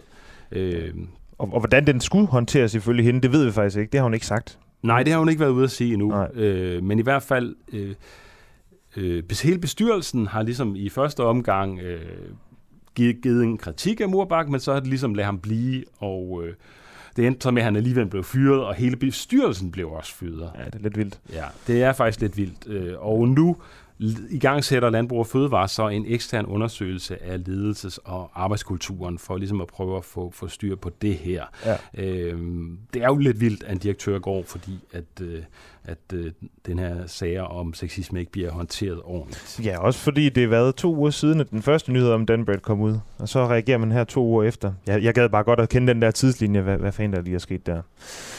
Øhm, en anden nyhed, som kom frem i går, som jeg undrer mig lidt over, Adam, det kan være, at du kan gøre mig lidt klog her. Øh, og det er ikke... Øh, altså, det er fordi, der, er, der har været et udskældt krav om, at kvindelige strandhåndboldspillere skal være iført bikini, når de spiller kampe. Ja. Den regel er nu blevet fjernet. Øh, og det er den, øh, det internationale håndboldforbund IHF, som for nylig opdateret de officielle regler og retningslinjer for afvikling af strandhåndboldkampe, og det, det, det skriver Ritzau. Øhm, hvad, hvad, hvad er det også for noget i øvrigt? Altså? Ja, men det der så er mærkeligt nu, nu har de så haft en shitstorm, og, og nu har de lavet reglerne om, men de har lavet en regel, der hedder, at kvinder skal, kvinderne skal stadig bære tætsiddende tøj. Ja. Og så er det, jeg tænker, altså der må næsten være en eller anden øh, sportsfaglig årsag til, at den her øh, med, regel med tætsiddende tøj øh, skal, skal sniges ind. Det eller tror hvad? jeg sgu ikke. Det tror jeg ikke. Du tror, det er en altså, liderlig regel? Mænd, eller hvad, mændene skal jo ikke sidde, Nej, det det. have tæt siddende øh, tøj på. Altså, altså, jeg synes, det, det er mega diskriminerende, det her. Hvorfor er det, at øh, kvinder skal gå i... Altså, før i tiden skulle de have bikini på. Det var simpelthen ja. lovpligtigt, og, eller i forhold til ja. retningslinjerne. Og så, så er det norske landshold troppet sig op i almindelige shorts, hvorefter de fik en kæmpe bøde. Ja fordi man ikke øh, kunne se deres øh, krop ordentligt, ja. deres røv ordentligt og sådan noget. det var netop i protest mod de, mod de gældende beklædningsregler. Ja. Men ja, den er regler sløjfet, bortset fra, nu skal man øh, stadig bære tætsiddende tøj som, øh, som kvinde, når man spiller strandhåndbold. Det skal man dog ikke, ikke som mand. Det skal åbenbart være lidt sexet at være, øh, være kvinde. Ja, jeg gad sgu egentlig godt at prøve at snakke med håndboldforbundet der. Bare lige for ja. at høre, hvad, hvor, hvad, hvorfor er det vigtigt, at tøjet er tætsiddende, når det er kvinder. Det vil jeg også gerne snakke ja. med dem om. Skal vi ikke prøve at jo. se, om vi kan få det interview på i morgen? Jo, det kunne være fedt. Ja. Lad os lige tage en lille jingle. Yes. Du lytter til Den Uafhængige. Danmarks måske mest kritiske, nysgerrige og levende taleradio, som politikerne ikke kan lukke. Mere end 3.000 medlemmer støtter os allerede, og jo flere vi er, jo mere og jo bedre journalistik kan vi sende ud til dig. Se hvordan du kan støtte os. Gå ind på duah.dk. Ja, altså vi skulle jo have Bjarne Benlås i øh, studiet her, øh, men han er åbenbart blevet lagt i benlås andet sted, siger... Øh, Ellers så har han lagt nogen i benlås, det tror jeg er mere sandsynligt. Ja, jeg tror nu, han er pensioneret, så, øh, ja, ja. så det må han nok ikke længere. Prøv sådan noget med at godt kunne lide at lægge folk i benlås, det tror jeg ikke, man gror ud af en. Det, tror jeg, man det bliver man aldrig for gammel til. Nej, det tror jeg altså ikke. Nej, alright. Øh, hvis vi kigger ud over nyhedsfladen ellers, så øh, skriver det jeg her til morgen for eksempel, at øh, coronaeffekten på boligmarkedet er væk. Priserne stiger som de sidste 10 år. Øh, der har været den her kæmpe ophedning af boligmarkedet, og øh, de sidste måneder er der så faldet lidt mere ro på boligmarkedet sammenlignet med størstedelen af coronaperioden.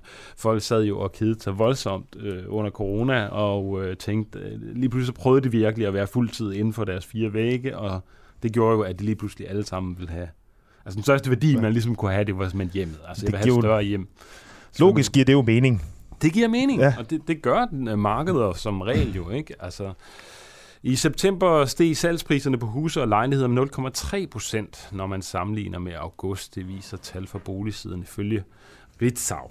Øhm, ifølge Mira Lige Nielsen, boligøkonom ved Nykredit, er prisstigningerne på både huse og lejligheder de seneste måneder så kommer ned på samme niveau som gennemsnittet de sidste 10 år. Ja. ja, og det er jo sådan lige øh, her klokken 9, tror jeg, det starter igen i dag, øh, rigsretssagen for, for, med Inger Støjberg. Det er, hvad er vi oppe på, dag 16 øh, for Inger Støjbergs rigsretssag. Øh, I dag så skal forhenværende kontorchef Jesper Gori øh, afhøres. Og øh, så betyder det jo, at vi nok skal have vores, øh, vores gode øh, rigsretskorrespondent Ulrik Dalin fra Information med i morgen. Det er jo sådan, at vi øh, har købt os adgang til inger.dk, øh, det man nogen har kaldt øh, Inger Støjbergs OnlyFans.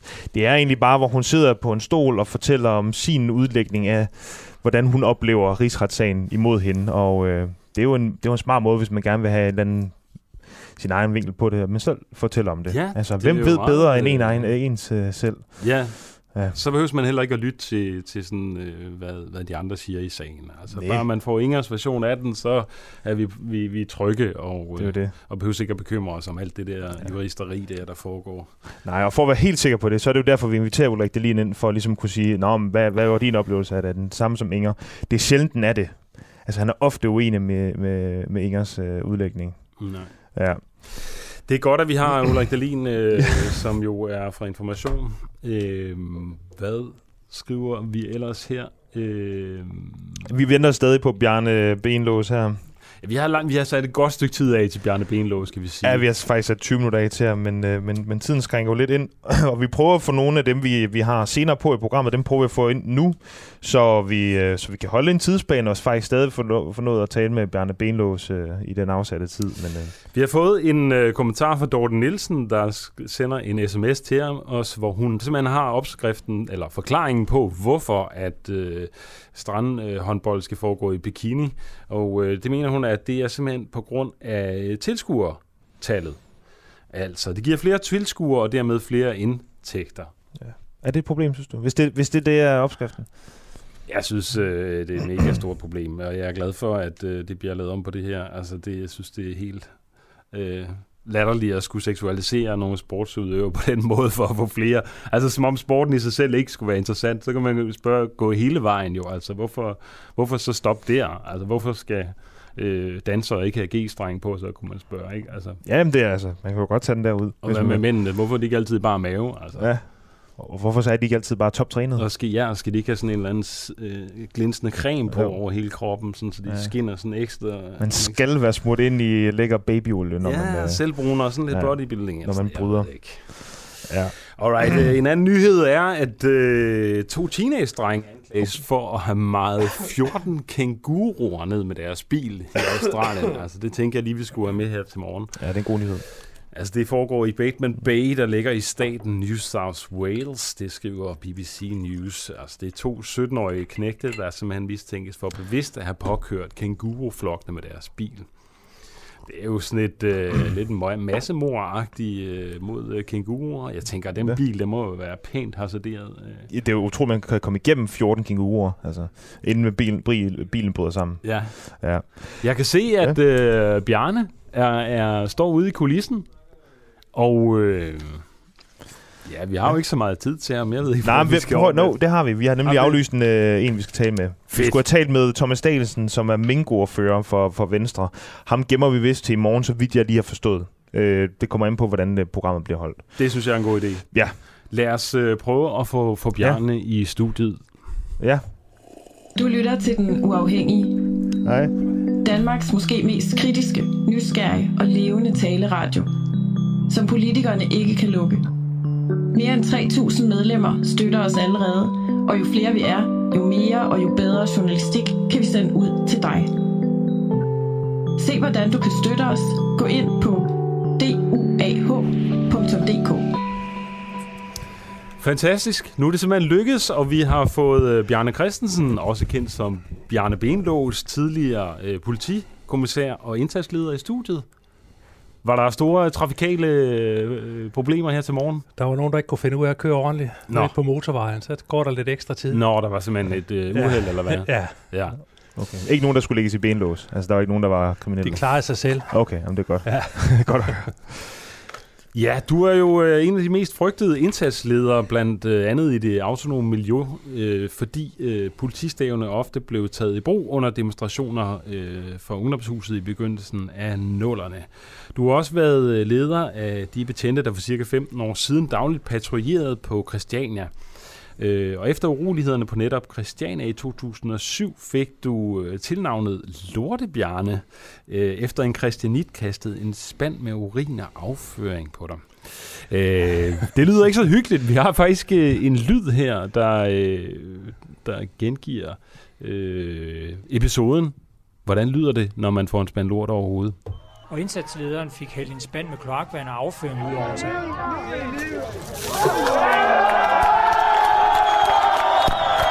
Beboerne på Christiania holder krisemøde i aften, og lige nu strømmer sympatisører, venner, brugere og aktivister dertil, og alt tyder på, at optøjerne eskalerer.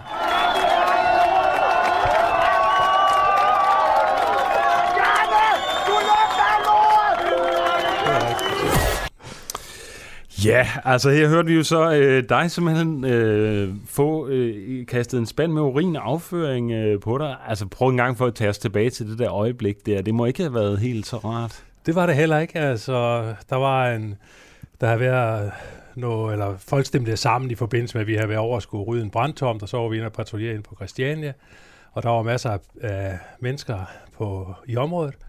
Vi står nede på forpladsen ved Pusher Street, nede ved hotellet, og masser af mennesker omkring os, og så pludselig kommer der, ja, jeg ved ikke, hvor han kommer fra, men, og jeg ved ikke, om det er en han. det skal jeg ikke Nej, okay. Men pludselig så kan jeg mærke, der kommer en spand med alt muligt ned over mig. Og der var både fast og løst, og øh, ja. det stank. Ja. Så det er rigtigt, hvad han siger i klippet. Ja, jeg lugtede. Ja. Af lort. Simpelthen. Ja. Du kunne godt øh, lade være med at, kaste op i sådan en situation, eller hvad er det? Ja, det, det kunne jeg godt, okay. fordi altså, det formålet var, det var, at nu skulle, øh, nu skulle, nu skulle jeg gå amok, og nu skulle der dele det maskiner, og nu skulle vi bare tæve til højre og venstre. Og det tog jeg mig selv i, at så inderst inde lade som ingenting. Er det det, man gør, når man, når man står i den situation der? Ja. Altså, fordi det må også være virkelig pinligt, altså sådan på en eller anden måde, ikke? Jeg ved ikke, om det er pinligt, altså det er, det er ubehageligt, vil jeg godt sige. Det er også lidt skamfuldt at Og stå med selvfølgelig lortet er- over det hele, Selvfølgelig er det det. Ja. Men det havde jo været endnu mere skamfuldt, hvis jeg var gået amok og begyndt at trække min stav og slå til højre og venstre, fordi så var mine folk også begyndt på det. Ja. Og så, så derfor øh, lade som ingenting. Og til dem, der ikke øh, lytter med eller ser med på Facebook, så vil jeg også bare lige sige, altså man kan jo se mig og Adam, vi er, hvad, vi er begge to over 91 høje, men Bjarne er jo, er, jo, er jo højere og større end os begge, så det er jo ikke, ja, det er jo ikke en står- lille mand, vi har med at gøre. Og det er flade sko. ja, og det er flade sko, præcis. Ja. Det er bare lige for at give et billede, altså jeg vil nødig have nogle tæsk af dig, Bjarne. Nej, men øh, det, man skal heller ikke gå og give folk tæsk. Nej, nej, nej. Det er, det, er, det er nødvendigt, fordi det er jo den magtbeføjelse, politiet har i, i øh, visse situationer. Jamen, så må vi bruge magt, og så bliver der foretaget anholdelser. Mm. Nu sagde du i starten, at øh, stavene hang løs, og vi slog meget med staven. Det gjorde vi faktisk ikke, fordi det vi gjorde, det var, at vi omringede dem, der skulle med hjem. Så blev de anholdt. Så skulle de ind på stationen, have en bøde eller fremstilles, fordi nu skulle så de fik lov at betale for de festligheder, de havde deltaget i. Mm. Men altså, jeg, jeg læste også, at du engang øh, slog så hårdt på en øh, hollandsk hooligan med staven, at hans lunge kollapsede, så han øh, lå og gispede på jorden. Og, og så har du udtalt, jeg mener jo, at man, hvis man skal bruge staven, skal man slå hårdt én gang. Øh, et velovervejet slag er meget mere effektivt, end at stå og tampe løs. Det står jeg fuldt inden for, det ja. er rigtigt. Så der har altså været stave i brug Det er, også. selvfølgelig har der det, det ja. kan ikke undgås. Nej. Og det var op på strøget i forbindelse med en fodboldkamp, hvor de hollandske hooligans, de gik amok, og vi landede deroppe i en gruppebil. Og øh, der fløj ikke lort, men der blev kastet alt muligt imod Ja, ja, ja. ja. os. Flasker og alt muligt andet. Og der, der slog vi på dem, og der slog jeg på en og ramte ham, så hans lunge kollapsede. skulle jeg sige, vi fik ham selvfølgelig i en ambulance til hospitalet, og da vi var på vej ud til fodboldkamp, der mødte vi ham. Der Ja. ja. kom han gående ud, der var han færdigbehandlet, så stoppede vi selvfølgelig og sagde, hvordan det gik. Fint, sagde han, så det her var han selv ud om, og han var bare glad for, at han blev løsladt, så han kunne okay. se fodboldkamp. Okay. Men man, der, man skal slå lidt hårdt for en lunge kollapset. Det skal jeg. man. Ja, ja. Men ja, man skal heller ikke bruge, man skal ikke stå og slå en masse slag, som kan virke som unødvendig brug af magt. Altså, Ja. man bruger det, der er nødvendigt. Og jeg kan forstå, at det er sådan cirka 15 år siden, du var i tjeneste sidst. øh, Nej, det, det er det ikke. Nå, det står der her i mine ja, papirer. ja, Hvor lang tid er det så? Ej, jeg gik på pension øh, sidste år. Sidste år, okay. Ja, men, Men- det er, det er øh, måske nok de der 10-15 år siden, jeg har været indsatsleder. Ja. Ja, ja. Har du været på gaden helt frem til da? Øh, Ja. Okay. Ja. Det har jeg. Men når du kigger over sådan din hele, hele din karriere, altså du har været op imod øh, autonom i forbindelse med rydning af ungdomshuset, du har været ude på Christiania og alt muligt, og er en kendt skikkelse i, i, øh, der, i, sådan, øh, i miljøet. Øh, hvad, hvad er nogle af de vildeste øjeblik, du har oplevet?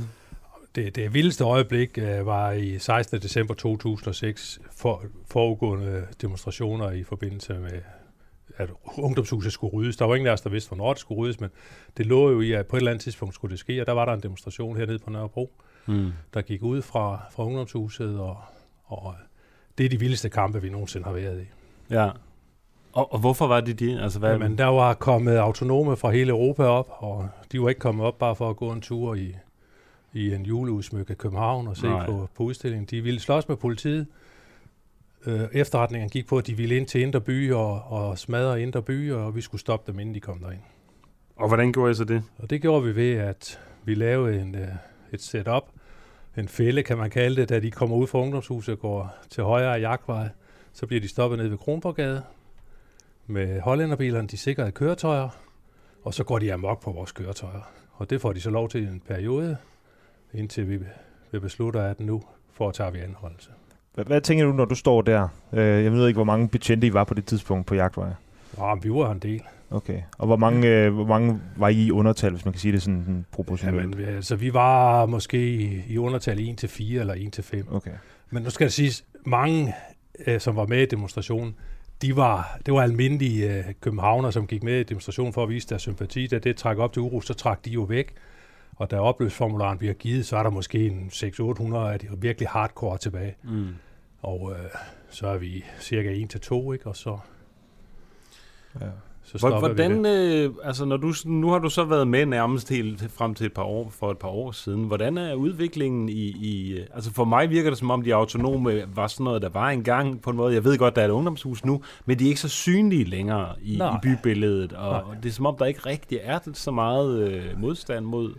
Øh, Det, ting, tiden går, og tingene ændrer sig. Der Ja. kommer nye til. Altså, mange af dem, som øh, var med dengang jeg var, var indsatsleder, og vi havde de der voldsomme kampe, jamen, de, de sidder nu i jobs og, og passer deres arbejde og har en ganske normal hverdag. Så kommer der nye unge til, og der er mentaliteten en, en, an, en anden. Ikke? Altså, de, har ikke, de har jo ikke oplevet huset på jagtvej, som mange af de gamle gjorde, vel? Mm. Så, øh, så det, jeg tror, det er det, der har ændret sig. Ja. Alright. Øh, Kan vi forresten lige, Bjarne, jeg får at vide, at øh, vi gerne vil have lidt højere lyd på dig. Kan du rykke mikrofonen lidt tættere på? Oh, nu faldt din øh, filtdut af. Åh, her. ja, ja. ja. Jeg synes, du går fint igennem. Ja, ja. Øh, Bjarne, I... Øh, ja, ja, nu bliver vi skal lige have den der på plads. På plads igen. det er så sådan. fint. Det er så fint. I 2017 kom det jo frem, at øh, du var sigtet for hæleri, altså anklaget for at modtage og opbevare en sjælden Art Deco-lysekrone stjålet på politigården på et tidspunkt mellem øh, januar 13 og september 2015. Øh, sammen med tre øh, særlige arkitektlampe tegnede bordlamper fra 1924 var den og to tilsvarende lysekroner ifølge anklageskriftet blevet stjålet fra politigården af en kollega. Altså, hvad gik det ud på, det her? Ja, hvis bare jeg vidste det. Okay. det. Jeg kan ikke fortælle dig, hvad det, hvad det gik ud på. Altså, det var sådan, det var, og øh, ja. Altså, der er blevet stjålet nogle, Ja, nogle, nogle dyre der er lamper. til synligheden blevet og- stjålet nogle dyre lamper, og en af det, jeg har så fået en. Ikke en af dem, som øh, normalt stod på politigården, dem kendte jeg jo, det vil jeg jo have vidst. Mm. Og ja, jeg ved ikke, hvad der gik ud på. Blev, blev du nogensinde dømt for, for hæleri i den forbindelse? Ja, ja, det gjorde jeg. Okay. Ja. Så, øh, men var det noget med, at du ligesom dækkede over en kollega, eller? Jeg ved ikke, om jeg dækkede over, altså... Jeg fort, fortalte ikke sandheden fra starten af, det, det kan man så fortryde i dag, men altså, det, sådan er det, og det er der ikke noget at gøre ved. Mm. Sket er sket, og det, jeg fik den straf, jeg fik.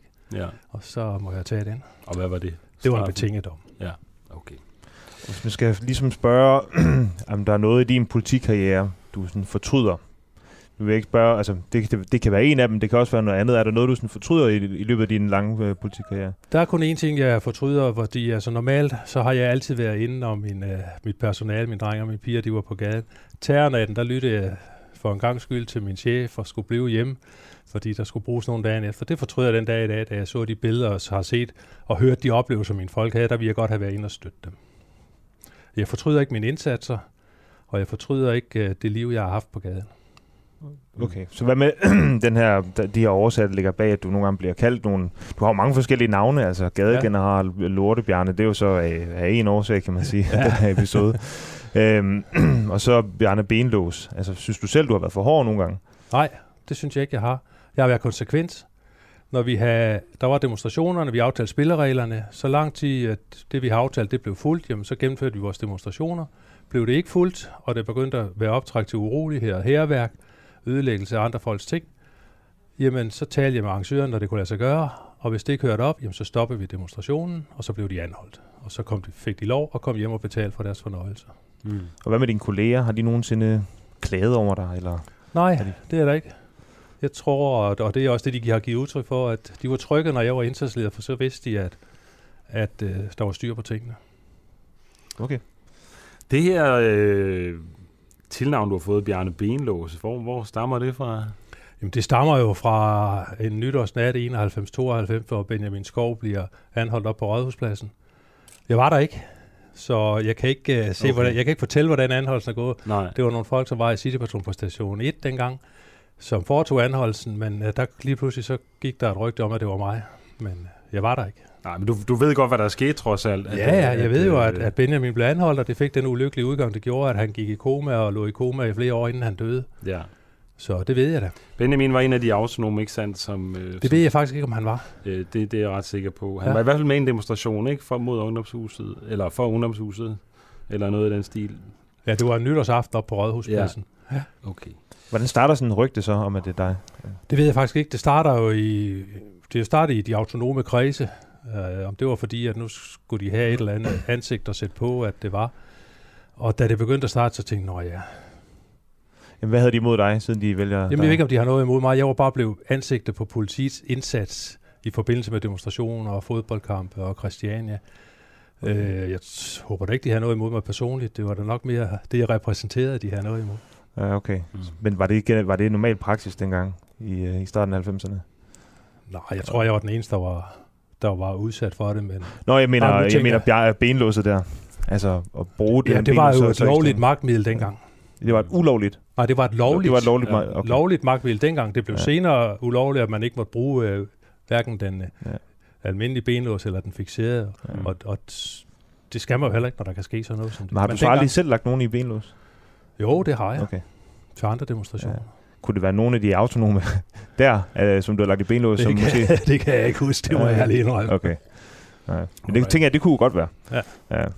Men det, det gik jo på, at det var mig, der havde slået Benjamin ihjel, og, og, og, og som sagt, jeg var der slet ikke. Nej. Øh, det er jo altid noget at høre. Øh, en, poli- en avis har dog ud, øh, udråbt dig til øh, politiets dummeste svin. Ja. Og, øh, og den tager du gerne på dig, hører jeg. Øh, hvordan kan det være? Ja, yeah, altså, det, det var jo sådan, det var et interview, der skulle laves, jeg tror, det var til, var det Politikken eller Berlingen, det kan jeg ikke huske, men, men der skulle laves en artikel om, om, om øh, indsats, eller politiets, øh, hvad hedder det, når vi havde aktioner, hvordan man agerede, det var hvem der stod i spidsen, og indsatslederen, og det var så meget, der blev bedt om at stille op til det interview, og det gjorde jeg så. Og så kom den overskrift, politiets dumme svin, og ja, det, og det, den tager du gerne på dig? Det, ja, hvis, det er, hvis de synes, at jeg var politiets dumme svin i forbindelse med, at, at vi håndhævede den lovgivning, der var, og sørgede for, at byen ikke blev smadret, okay, så kan jeg godt leve med det. Okay. Og hvordan synes du så, miljøet er blevet nu her, dem der kører ud i patruljevogn? Jeg har læst, at du har sagt, at det er sådan lidt Excel-drengene og djøfferne, der er kommet ind. Altså, der ja, er ikke ordentlige altså, jeg, gadebetjente. Jeg, jeg, jeg synes, jeg ved ikke, om der ikke er ordentlige gadebetjente, Nej, men- men... jeg synes, at Emil, øh, politiet, dansk politi er blevet meget, meget topstyret efter McKinsey-undersøgelser og politireform. Jamen, så kom der en topstyring ind af, af dansk politi, og det tror jeg, synes jeg, ikke er til gavn for de betjente, som kører på gaden i treholdsskift. Det er trods alt dem, der er ryggraden i dansk politi. Det er dem, befolkningen ser, og det er dem, der sørger for, at der er, er, er ro og orden på gader og stræder. Det gør du ikke inde på et kontor. Mm. Derfor skulle man måske nok prioritere deres indsats lidt mere, og så gøre mere for dem, end at man skal ind og sidde på kontorerne og sidde med papir og, og Excel-ark. Alright, ja, men der er vel også mange ting, der foregår øh, på nettet nu til dags, kan man sige, i forhold Det- til selvfølgelig ude er der på det. gaden. Men der er vel stadig brug for nogle øh, hårdnakkede øh, betjente ude på gaden. Du er altså i studiet i dag, fordi at øh, du har øh, været med til at skrive en bog, der hedder Store Bjarne, mennesket bag gadegeneralen, som udkommer i morgen, ikke sandt? Jo. Ja. Jamen, øh, held lykke med det, og Tak skal du øh, have. tusind tak, fordi du kom i studiet. Selv det var en tak. fornøjelse. Tak.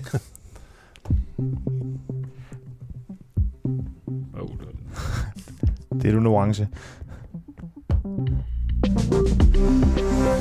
Nå, vi skal videre til øh, Jakob Mark, gruppeformanden for, for, for SF, og øh, han, øh, vi vil spørge ham om SF's forslag om gratis tandlæge, tandlægehjælp, om, om det er et godt forslag. Jeg skal lige høre, Jakob Mark, har vi dig med lige nu?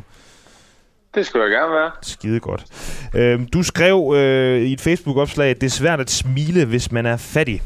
Og det, øh, det skrev du øh, øh, i et opslag, hvor du tordnede mod dyre tandlægeregninger med et løfte om gratis tandlægehjælp. Øh, fordi det ifølge dig er ubegribeligt, at vi ikke forebygger mere, men venter på, at skaden er sket. Øh, hvad, hvad er det gode argument for, for gratis tandlægehjælp?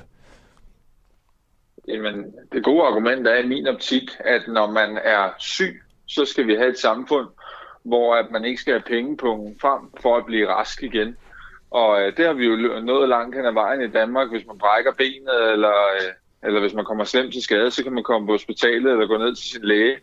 Men lige præcis i munden, der er det sådan, at hvis, øh, hvis man får en sygdom i munden, så, øh, så må man betale selv. Og det er der jo rigtig mange mennesker, der ikke har råd til.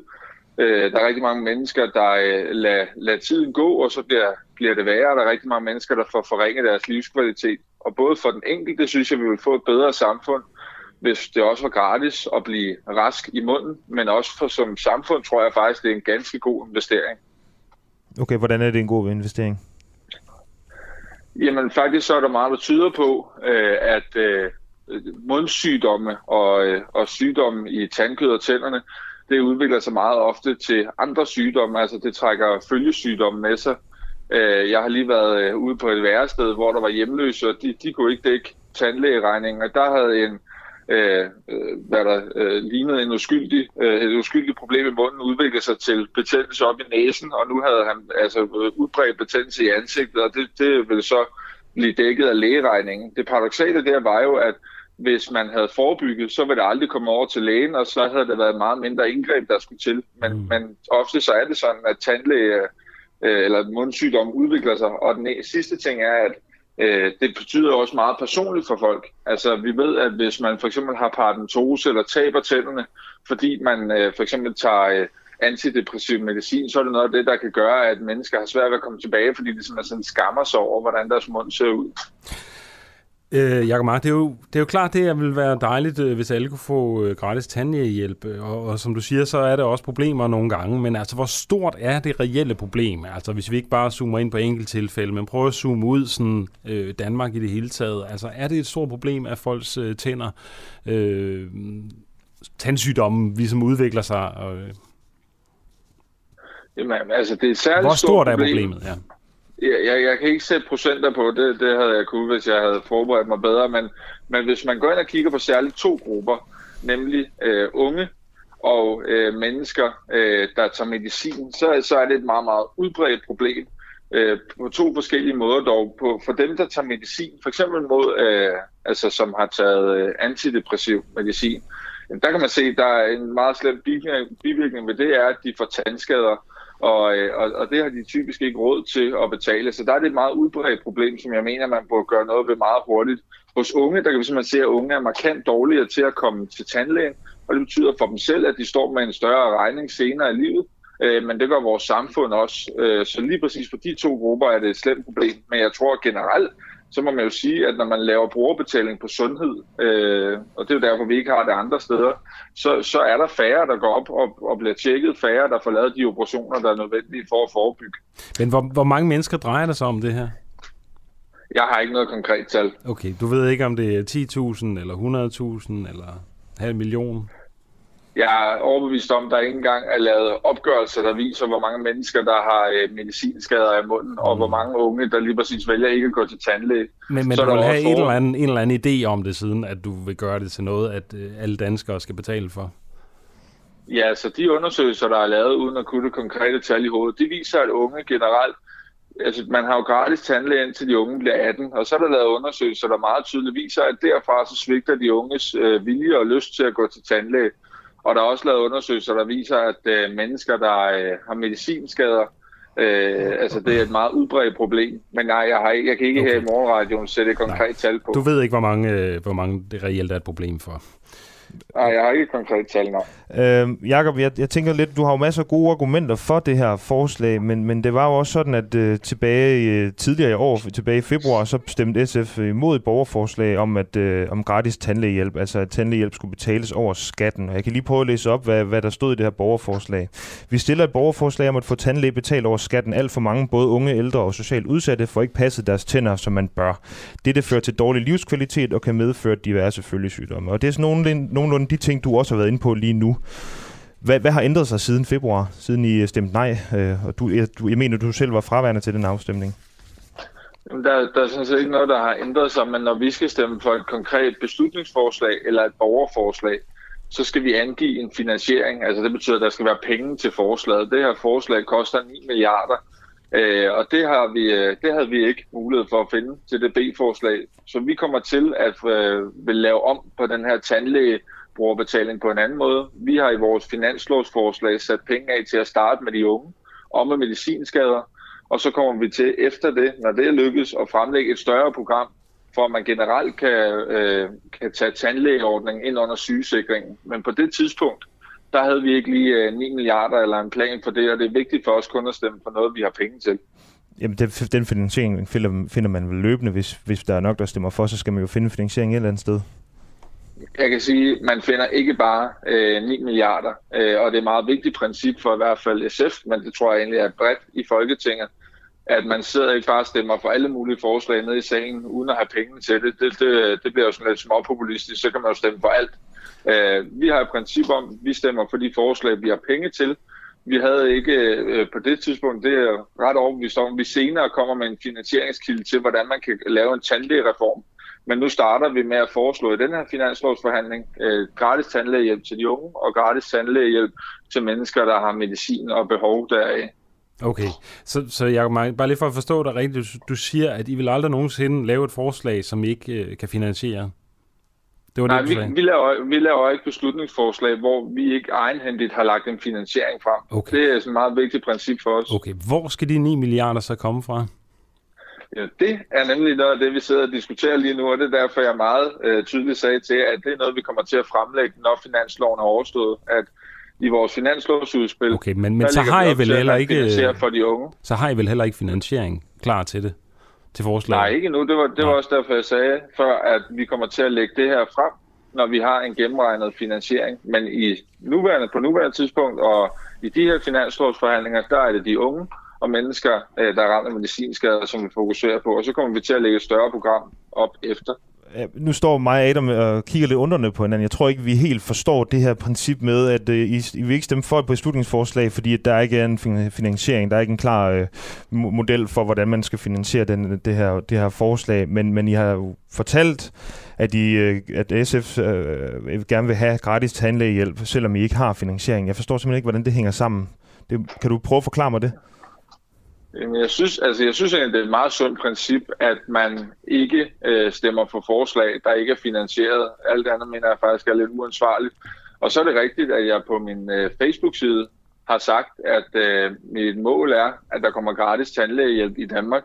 Og det er også øh, det, vi kommer til at arbejde efter. Men jeg har jo ikke sagt, at det skulle være i dag, og det skriver jeg faktisk også øh, på min Facebook ret tydeligt. Okay. Men jeg kan sige her i radioen, og det har jeg ikke sagt andre steder, øh, så det er faktisk lidt en nyhed, at vi kommer til at lægge et, øh, ja, det ved jeg ikke, men vi kommer til at lægge et program frem om, hvordan man kunne finansiere en indfasning af tandlægehjælp i Danmark øh, mere generelt, og ikke kun for de unge okay. øh, og for mennesker med medicinskader. Men det vil være mere omfattende, end, end hvad vi lige kunne gøre frem mod det borgerforslag. Okay, så det jeg hørte dig sige, Jacob Mark, det er, at grunden til, at I stemte nej til borgerforslaget om at få tandlægeregninger betalt over skatten, det er, at der ikke var nogen finansiering på plads. Men nu vil I så prøve at finde finansiering, og derfor så er I for det. Ja, altså igen, det kostede 9 milliarder til sammenligning, så det vi har at rute med i den her finanslov, hvor vi jo så kæmper for øh, øh, gratis tandlæge til de unge og for mennesker, der rammer medicinskader, det er i udgangspunktet halvanden milliard. Det siger jo lidt om, at det er et stort beløb, man skal ud og finde. Så vi vil starte med de unge og med mennesker ramt af medicinskader i den her finanslov, og så vil vi øh, over den kommende tid lægge et større program frem for, hvordan kan man udrulle gratis tandlæge i hele Danmark. Men det er en stor ting, øh, fordi det er jo mange mennesker og en helt grundlæggende ændring, det drejer sig om. Alright. Ja. Vi har fået en sms her fra øh, Carsten Nielsen, som skriver, at nu behøver man ikke ligefrem at være fattig, men bare lavt lønnet. Øh, fik fjernet, han fik fjernet visdomstænder, og det gik så galt, at det har kostet, og, og det har været dyrt åbenbart, og man får ikke, lige, man får ikke en flad øh, 5 øre i tilskud, det tror jeg nu nok, man gør. Men han har ikke de her 30.000 kroner til behandling af bid og knækkede tænder, øh, grundet det lort, der blev lavet. Altså det er noget med, at det, det er åbenbart gået galt på en eller anden måde. Ja, der er i hvert fald bedste en... bud vil være, at han faktisk ikke får tilskud, medmindre han er medlem af Sygesikring Danmark, men det koster også penge. Og det er jo det der med, at vi skal have sådan et forsikringsfinansieret velfærdssamfund, og det ønsker vi ikke. Så jeg tror faktisk, han har ret. Jamen får man ikke, altså hvis jeg går til tandlægen, så får jeg altid en eller anden form for tilskud. Det står der i hvert fald nedenunder, at man får. Der er, det ikke, det er fordi jeg er med det er besluttet, nu ved jeg ikke, hvor ung du er, men øh, det er i hvert fald besluttet fra øh, uh, statslig hold, at øh, unge får tilskud til øh, sådan, den der tandrensningsproces, hvor man ligesom det der helt forebyggende tjek. Men det er ikke sådan, at hvis du øh, skal have fjernet visumstænder, så generelt så er der et eller andet tilskud med. Det er kun, hvis du er medlem af en privat sygesikring. Det er i hvert fald sådan, jeg husker reglerne. Alright, jeg er øh, meget ung, øh, dog ikke nok så ung til at få, få tilskud for den slags. Tak fordi du var med, øh, Jakob Mark, gruppeformand for SF. Så, tak. Og fortsæt god morgen. Lige måde. Jakob Svendgaard skriver også ind, at staten bør stå for alle udgifter til tandlægebehandling, blandt andet af den simple grund, at staten har røven fuld af penge. Det har vi jo kunnet se her under corona, så det er bestemt ikke penge, vi mangler her i Danmark. Staten kan jo nemt finde 100 milliarder til lidt mere frøns. Øh, og så var der nogen, der var lidt træt af den måde, vi interviewede øh, Bjarke, Bjarne Benlås på. Der er en, der skriver, at øh, der ikke var meget kritisk interview over det. Øh, snarere aftenshow-format. Ja. Det kan da også være, at han havde ret i det. Jamen, det tænker jeg da også, det var. Ja, lidt. Det, jeg tror ikke, min idé var i hvert fald ikke, at vi skulle gå meget hårdt til, til, øh, til Bjarne Benlås. Altså, det er mere sådan at høre lidt røverhistorie. Det var det, der var ideen med det. Ja, men jeg tror bare, han peger på det der med, at I har en kriminel i studiet, han er øh, dømt for, for hæleri, og så Han er jo ikke griner man kriminel, lidt. men han har begået noget strafbart, og Ja, han ja, har på den øh, måde. ligesom fået sin straf. Ja. Ja, ja. Øh, det kunne vi selvfølgelig godt have rodet op i, ja. Ja. Øh, men det, øh, det var ikke det, vi havde på tapetet her til morgen. Øh, vi håber, at øh, der var andre derude, der synes, at det var underholdende. Nu skal vi videre, Peter, og Ja. øh, vi skal videre til øh, Mads Fuglede, som er udlændingeordfører for, for Venstre, hvor vi vil spørge om, øh, om regeringen øh, sniger lempelser af flygtningelovgivningen ind af bagdøren. Fordi det er sådan, at øh, fremover så skal flygtninge med, flygtninge med midlertidig opholdstilladelse kun vente to år på familiesamføring, og ikke tre år, som det hidtil har været. Og det har regeringen set til nødsat til at beslutte efter en dom, som den europæiske menneskerettighedsdomstol har, har afsagt. Øhm, det er, det er en, øh, en lovændring, der først bliver fremsat i 2022, øh, men, øh, men på trods af det, så er det altså en ændring, der træder i kraft med det samme. Øh, det blev meldt ud sent fredag eftermiddag, og, øh, og, og derfor gik der i første omgang mange op, øh, og det gik derfor i første omgang mange oppositionspolitikers næser forbi. Jeg skal lige høre, Mads Fugled, er du øh, med os her til morgen? Ja, det er. Tak fordi du er med. Øhm, har regeringen andet valg end at følge afgørelsen fra den europæiske menneskerettighedsdomstol? Hvad tænker du? At det kan jeg ikke svare på, om den har. Tit er det sådan, at når der kommer sådan nogle domme, så øh, har man ikke andet valg end at rette ind.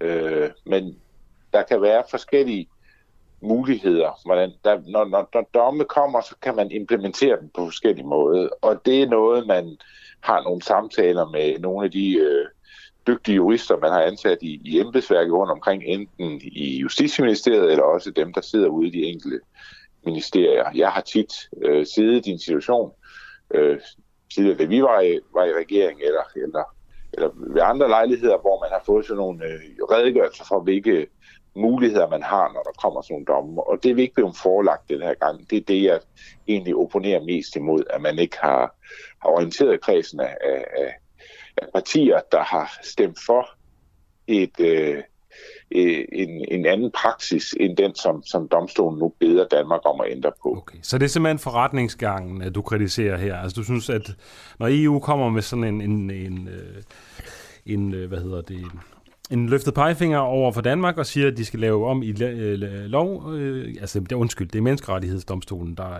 der kommer her og siger, at øh, den midlertidige øh, opholdstilladelse kun kan være, så må være to år og ikke tre år.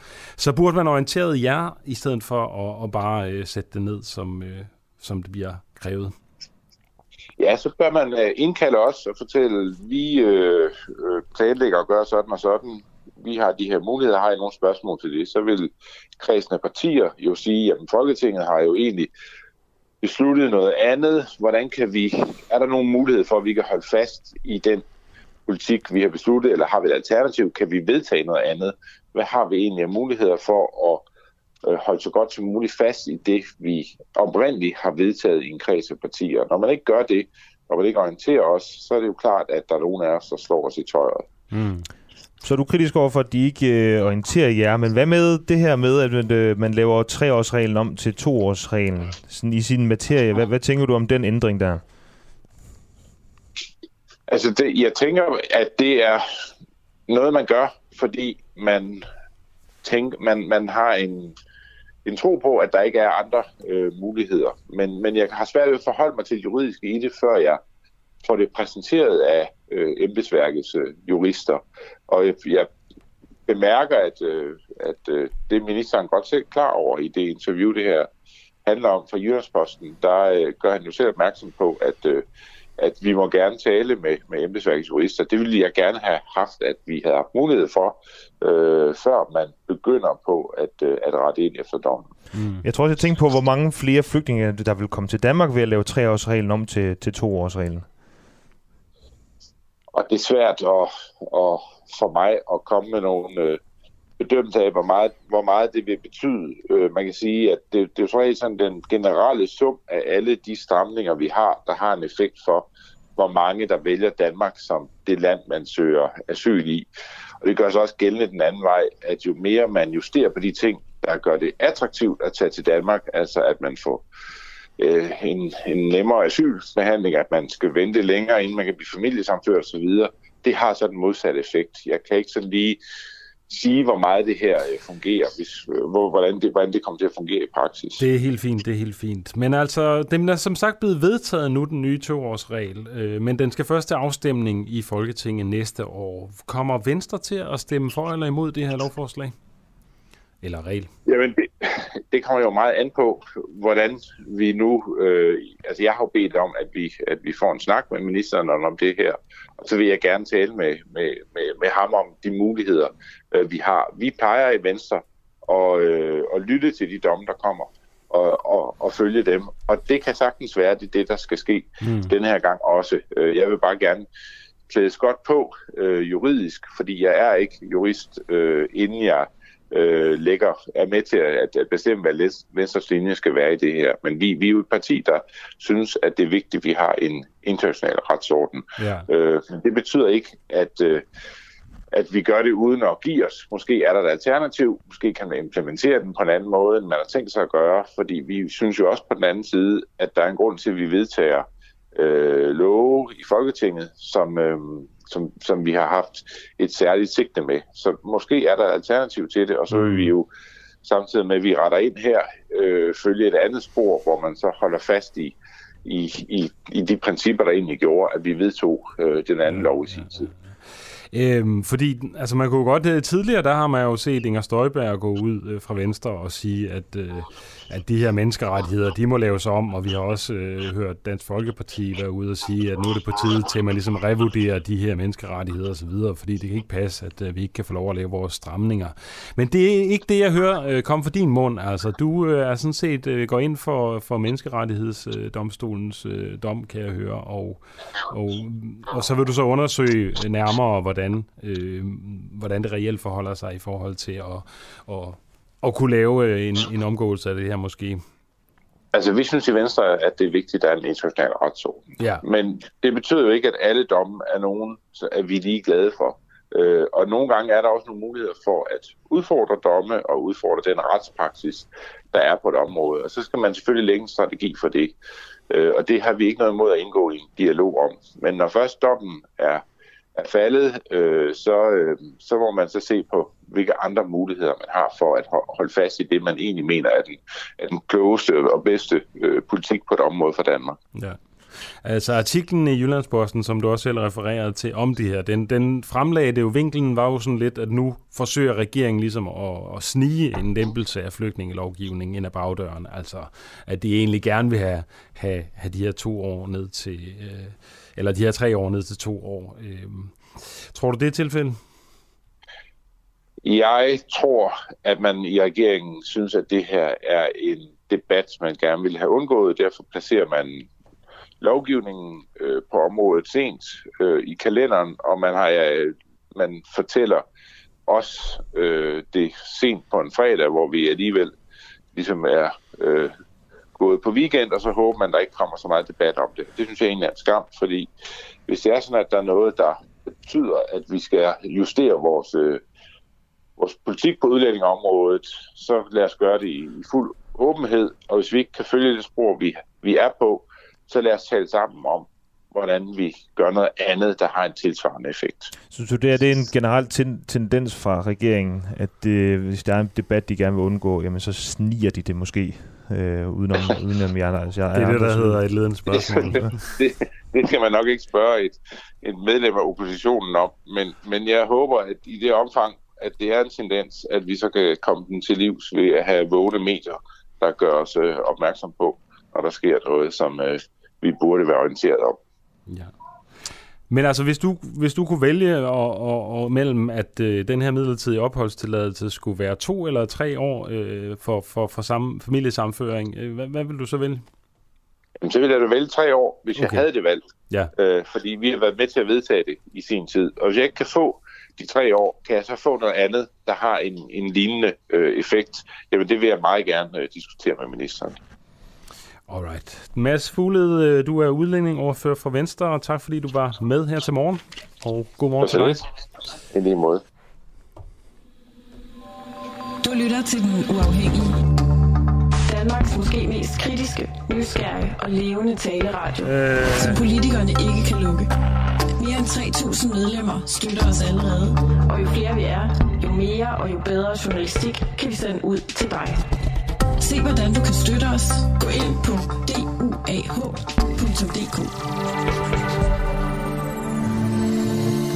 Grete Lund, hun skriver, EU smadrer Europa. Det har vel aldrig været meningen, at de skulle bestemme alt ned til mindste detalje i nationalstaterne. Og øh, Jesper Sørensen, han, øh, han skriver i forhold til, til Danbred-nyheden, vi kom med tidligere, altså den øh, landbruger og fødevarehistorie med, at øh, der har været seksuelle krænkelser i den bread. Han skriver, bør virksomheder kunne trække erstatningssummer fra i skat, når der er tale om sexchikane? Jeg tænker her på kvinden, som fik 12 måneders løn som erstatning for sexkrænkelse. Den pågældende virksomhed trækker jo lønnen fra i regnskabet, således at det samlede skatteproveny bliver mindre. Burde der ikke indføres en regel om, at det, det ikke kan lade sig gøre i form af krænkelsesager? Et åbent spørgsmål, og hvis du ja. har et andet spørgsmål, så kan du øh, skrive til os, øh, grib din telefon og øh, send din sms afsted til 1245. Øh, du skriver DUAH mellemrum, og så indholdet af din besked. Og øh, vi kan også sige, at øh, man kan jo støtte os det kan man, og det skal man ikke. Altså, det er kun, hvis man synes, det vi laver er godt. Uh, man kan sende en sms til øh, 1245, skrive a U som Ulla, A som Anders. Så får man et link til, hvordan man kan, kan støtte os. Og det plejer at være det nemmeste med MobilePay. Alternativt kan man også uh, bruge en uh, bankoverførsel. Godt gammeldags. Uh, men det koster 39 kroner om måneden, og uh, 349 kroner om uh, for et år. Der er ikke nogen binding. Du kan stoppe lige så snart du synes, vi, uh, vi bliver dårlige, eller du kan også bare lade den køre, hvis vi, du synes, vi bliver ved med at være gode. Ja. Ja. Ude i teknikken skriver de, at, øh, at man skal man støtte os. Vi har brug for nogle dadler. øh, så øh, så det, det er hermed en opfordring. Øh, nu skal vi tale med Lone Theis, forfatter og tidligere London-korrespondent, og det skal vi, fordi vi skal høre om denne her sag om Madeleine McCain, McCann hedder hun vist, ikke? Hvem er manden, der bortførte Madeleine McCann? Jeg ved ikke, om I kan huske det, men i 2007 forsvandt den dengang treårige Madeleine McCann under en ferie i Portugal. Og hele verden har fulgt med i mysteriet om, hvordan den lille pige forsvandt, og vigtigst af alt, hvem der øh, bortførte hende. Og politiet er nu 100% sikker på, at de har fat i den rette gerningsmand, som de allerede sat navn på i sommeren 2020. Godmorgen, Lone Theis. Godmorgen, siger jeg. Er du ikke sød at lige opsummere, hvad det er, den her sag øh, handler om, for dem, der ikke lige jo. kan huske det og ikke har været der? Jo, altså det er, var og, og er en af de mest øh, hjerteskærende sager på den måde, at øh, der forsvinder den her lille pige. Hun er afsted med sin mor og far øh, og to mindre søskende. Og øh, så er moren og faren, de har lagt børn i seng over i hotelværelset, og så på samme sted. Det er sådan et sted, der hedder Ocean Club i Praia de Luz i øh, Portugal. Der går de så over for at sidde og spise tapas med deres venner, men de kommer faktisk ret, hen, øh, ret tit hen og, og, og tjekker børnene. Der er flere, der har børn med. Øh, men den sidste gang, hvor mor nu går over og tjekker dem, få dage før det sker hjem, i øvrigt, øh, så er Madeleine der ikke.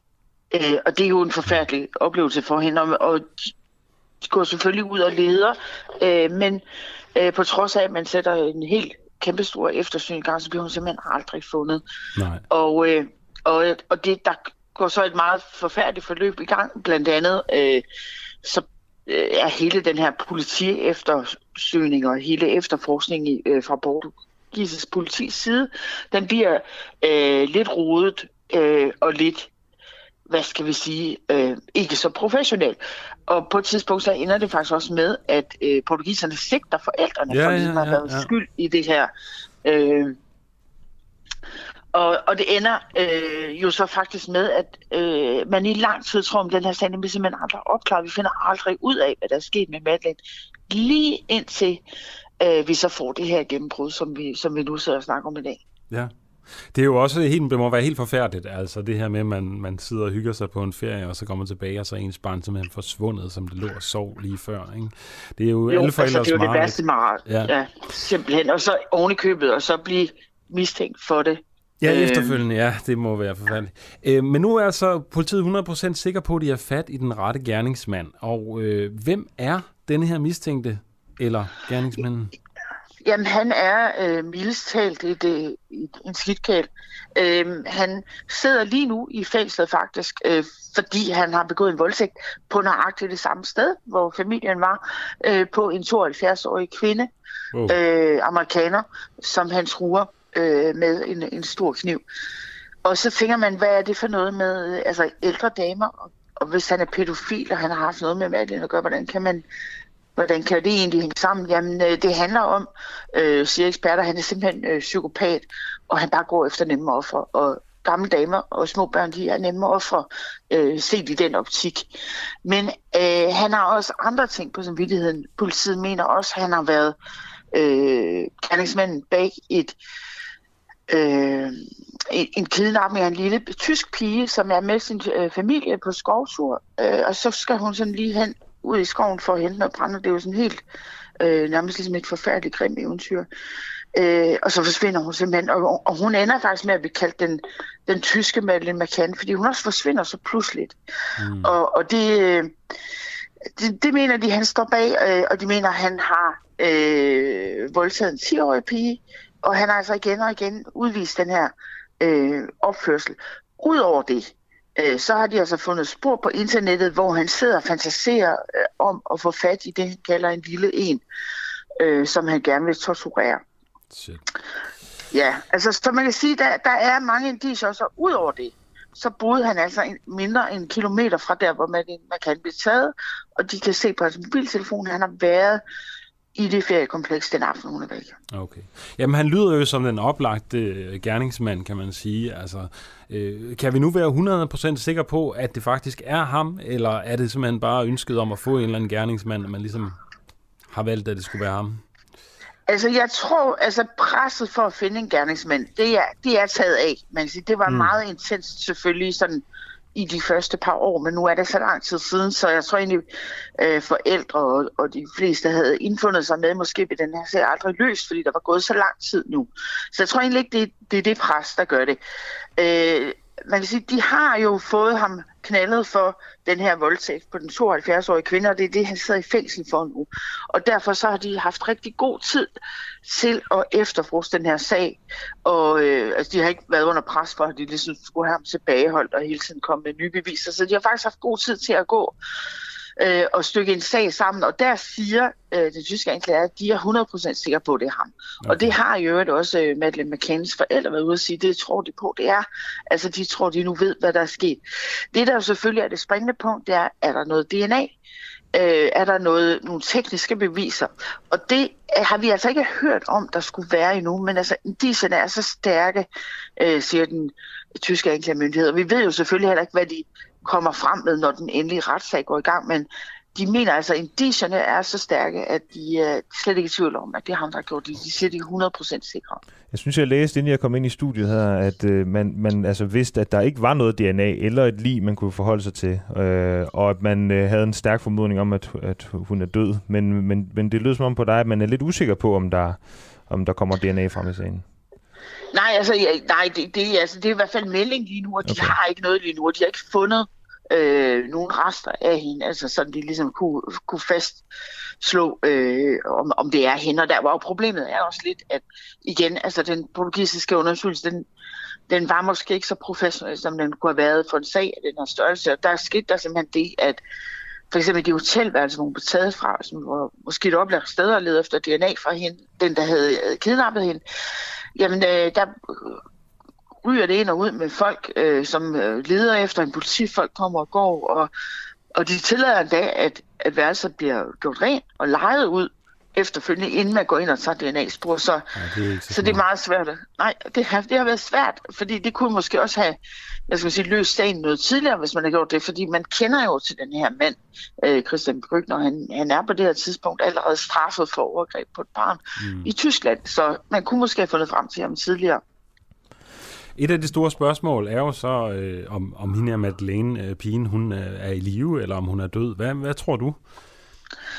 Jamen altså, jeg tror, at, øh, at hun, hun er ikke i live. Altså, det, øh, det tror jeg simpelthen ikke, og det er på baggrund af en række ting, men først og fremmest så lidt hele verden efter hende.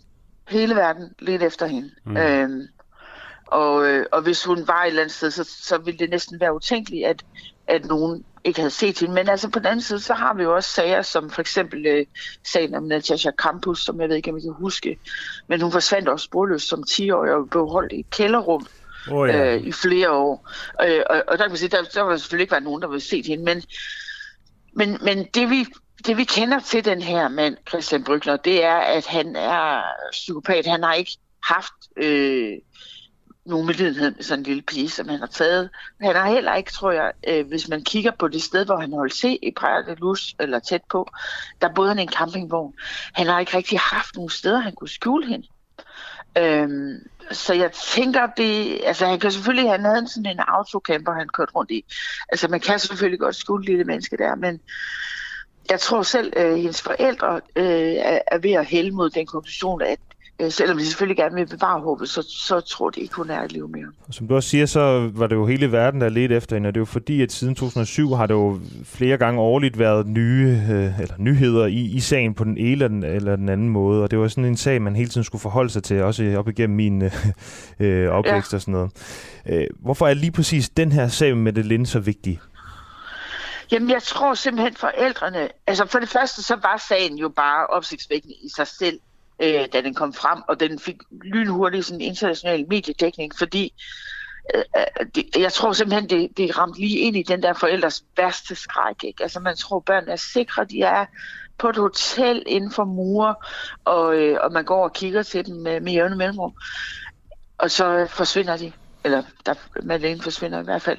Jeg tror simpelthen, det har, det har rørt et eller andet i, i de fleste forældrehjerter, fordi det var bare det værste, der kunne ske. Og jeg tror, mange mm. forældre efterfølgende ligesom også øh, måske jo ændrede deres opførsel lidt, lidt og tænkte, gud, det her det kan ske. Nu skal vi ikke lade børnene ligge uden opsyn nogensinde i, i noget tid. Så det tror det var noget af det, men så, ja. så blev det bare meget hurtigt sådan en celeber sag, hvor jo også blandt andet David Beckham, som på det tidspunkt var på højden af sin berømmelse som fodboldspiller, øh, gik ind i sagen, og der blev vist store billeder af Madeleine McCann på stadion øh, for alle de her 10.000 vis af fodboldtilskuere, så alle gjorde alt, hvad de kunne, og aviserne bragte så også op. Men først og fremmest er forklaringen måske også bare, at hendes forældre, de gav aldrig op. Altså, de blev ved med at holde liv i den her sag, fordi de ville finde deres datter.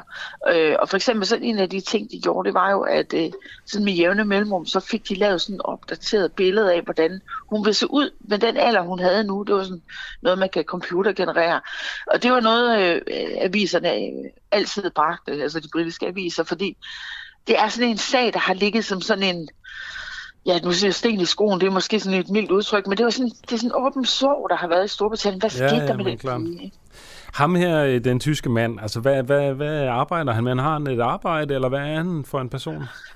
Jamen, han har øh, været sådan en, øh, det man kalder en drifter, altså sådan en, en lille vagabond-type, okay. og det han sådan forholdsvis har ernæret sig men så er Portugal, det var simpelthen indbrud. Så øh, han, han, øh, han gik rundt, og han var sådan typen, der, øh, der raidede hoteller og, og, og lavede indbrud på værelserne, og han var typen, der sådan, øh, øh, altså gik rundt og tog i dørene, og, og nogle gange fandt han ting at gå stille, og så fandt han jo så også øh, desværre et lille barn. Ja, okay, okay, det er den måde. Alright, tusind tak, Lone Theis. Det var super spændende at høre dig fortælle om det her. Øh, tak fordi du var med. Velbekomme. Godmorgen. Og, ja, godmorgen. Og du er forfatter og tidligere London-korrespondent, skal vi også lige have med. Farvel. Farvel. Du lytter til Den Uafhængige. Danmarks måske mest kritiske, nysgerrige og levende taleradio, som politikerne ikke kan lukke. Mere end 3.000 medlemmer støtter os allerede, og jo flere vi er, jo mere og jo bedre journalistik kan vi sende ud til dig. Se hvordan du kan støtte os. Gå ind på duah.dk.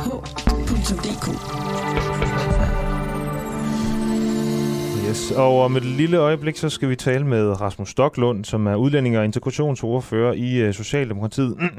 vi vil spørge ham om uh, nogle af de samme ting, som vi faktisk spurgte Natasha Ræ om uh, i starten af, af morgenen her, om... Uh, om de her børn er blevet radikaliseret, som, altså de her børn, der er kommet hjem fra, fra Syrien sammen med deres mødre, om de er om, om de udgør en trussel mod det danske samfund.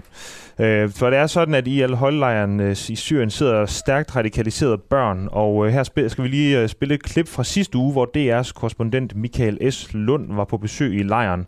Øh, her kan man blandt andet høre børnene hylde de hellige krigere og kaste sten efter ham, mens de kalder ham øh, vantro. كيف الحياة هون في في المخيم يعني؟ وين كان الإخوة؟ إخواتك أو الاخوه الإخوة مو إخواتي آه مين الإخوان؟ يعني الإخوة المجاهدين آه وين مكانهم؟ وين مكانهم؟ أعتقد هم في سجن يعني بالسجن حد أنت مو مجاهدين أنا مش مجاهدين أنت منين؟ أنا دولة اسلامية والله يا كابر والله أستنى موتكم إن شاء الله بإذن الله ليش يعني؟ ها؟ ليش؟ Ja, og det er så det, man kunne høre fra, øh, da, da Michael S. Lund var på besøg i lejren, øh, Al-Hol-lejren her i sidste uge.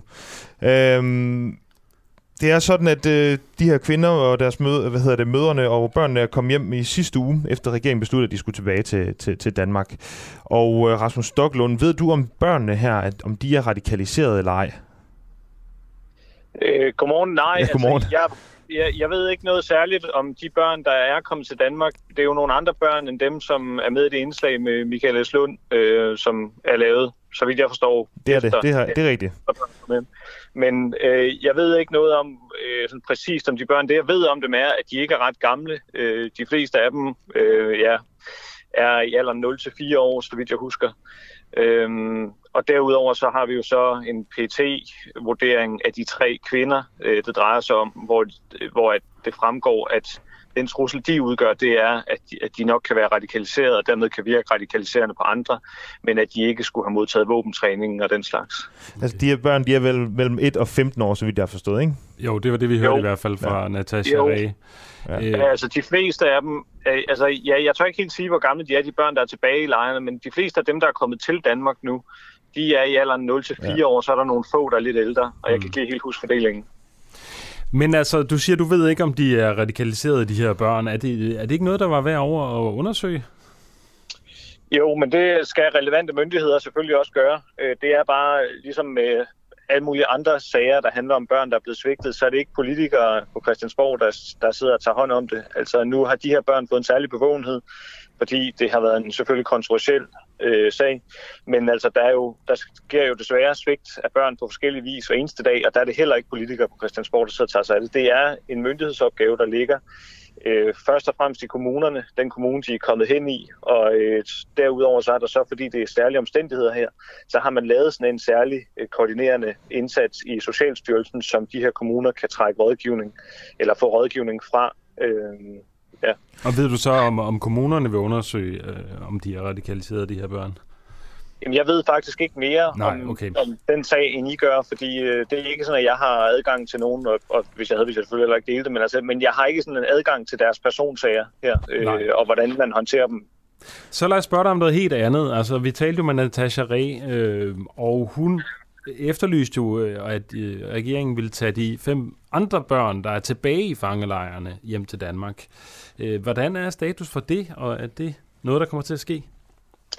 Jamen, det har vi jo tilbudt igennem lang tid, at vi gerne vil, men det er jo under forudsætning af, at forældrene de øh, fraskriver sig forældremyndigheden, og at det kun er børnene, der vender tilbage. Det har vi jo et fortilfælde for en dreng, der blev såret på et tidspunkt og skulle have hospitalsbehandling. Han blev jo evakueret til, øh, og så han kunne få hospitalsbehandling, og moderen indvillede i, at hun ikke skulle med. Og det er altså det, der er forudsætningen, hvis de andre børn, der er dernede, de skal med, fordi deres forældre ikke er danske statsborgere, så øh, er det altså øh, børnene alene, der kan komme til Danmark. Det er ikke forældrene. Mm. Og så er vi lidt tilbage ved den der diskussion, som jeg tror også, vi har haft tidligere, altså om det ikke er en, en forfærdelig dårlig idé at tage børn væk fra, fra deres forældre, børn som i forvejen øh, viser sig at, at lide af posttraumatisk stress og meget andet. Øh, men det er du måske ikke så bekymret for?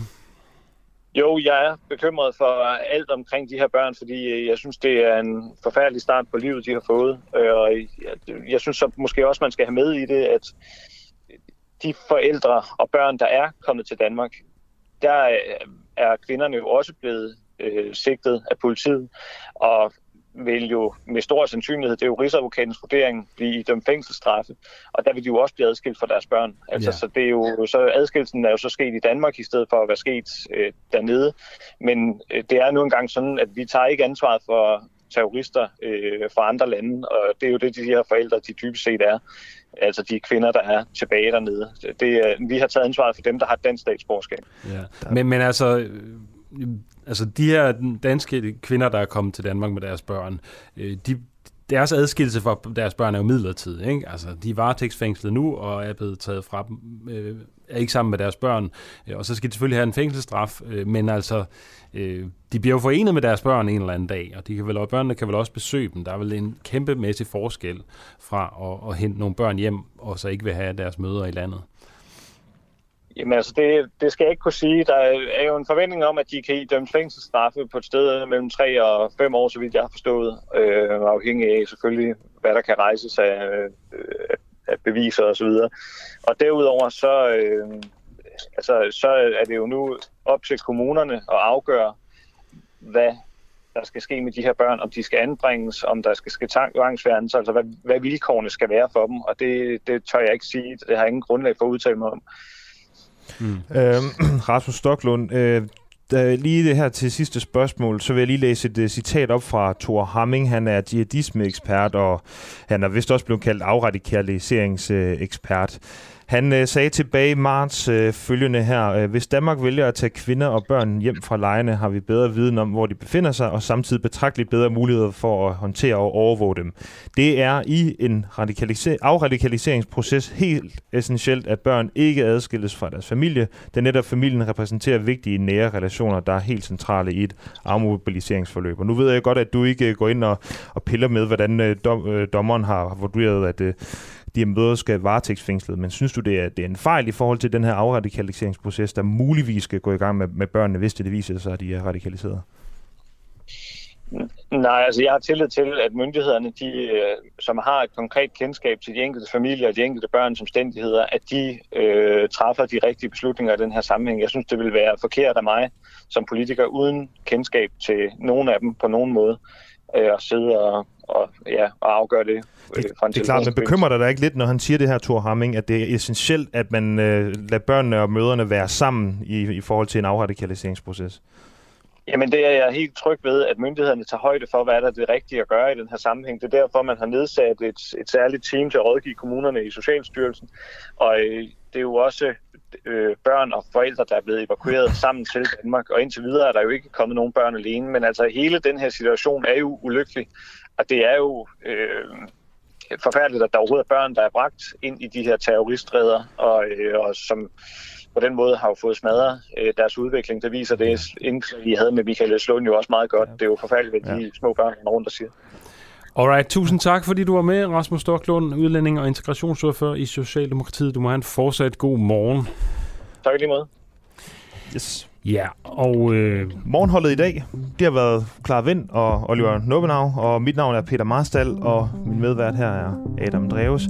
Må jeg bare lige nævne de navne på de folk, der har lavet programmet til i dag? Jeg synes også er vigtigt at ja. nævne, og det var Elisabeth Yskes, Mads Bjergård, Nikolaj Jul, Peter Svarts, Klar Vind, Jakob Fausi og Oliver Frogård, han var redaktør. Ja, ha' en fantastisk god morgen derude. Ja, god morgen. Vi ses i morgen.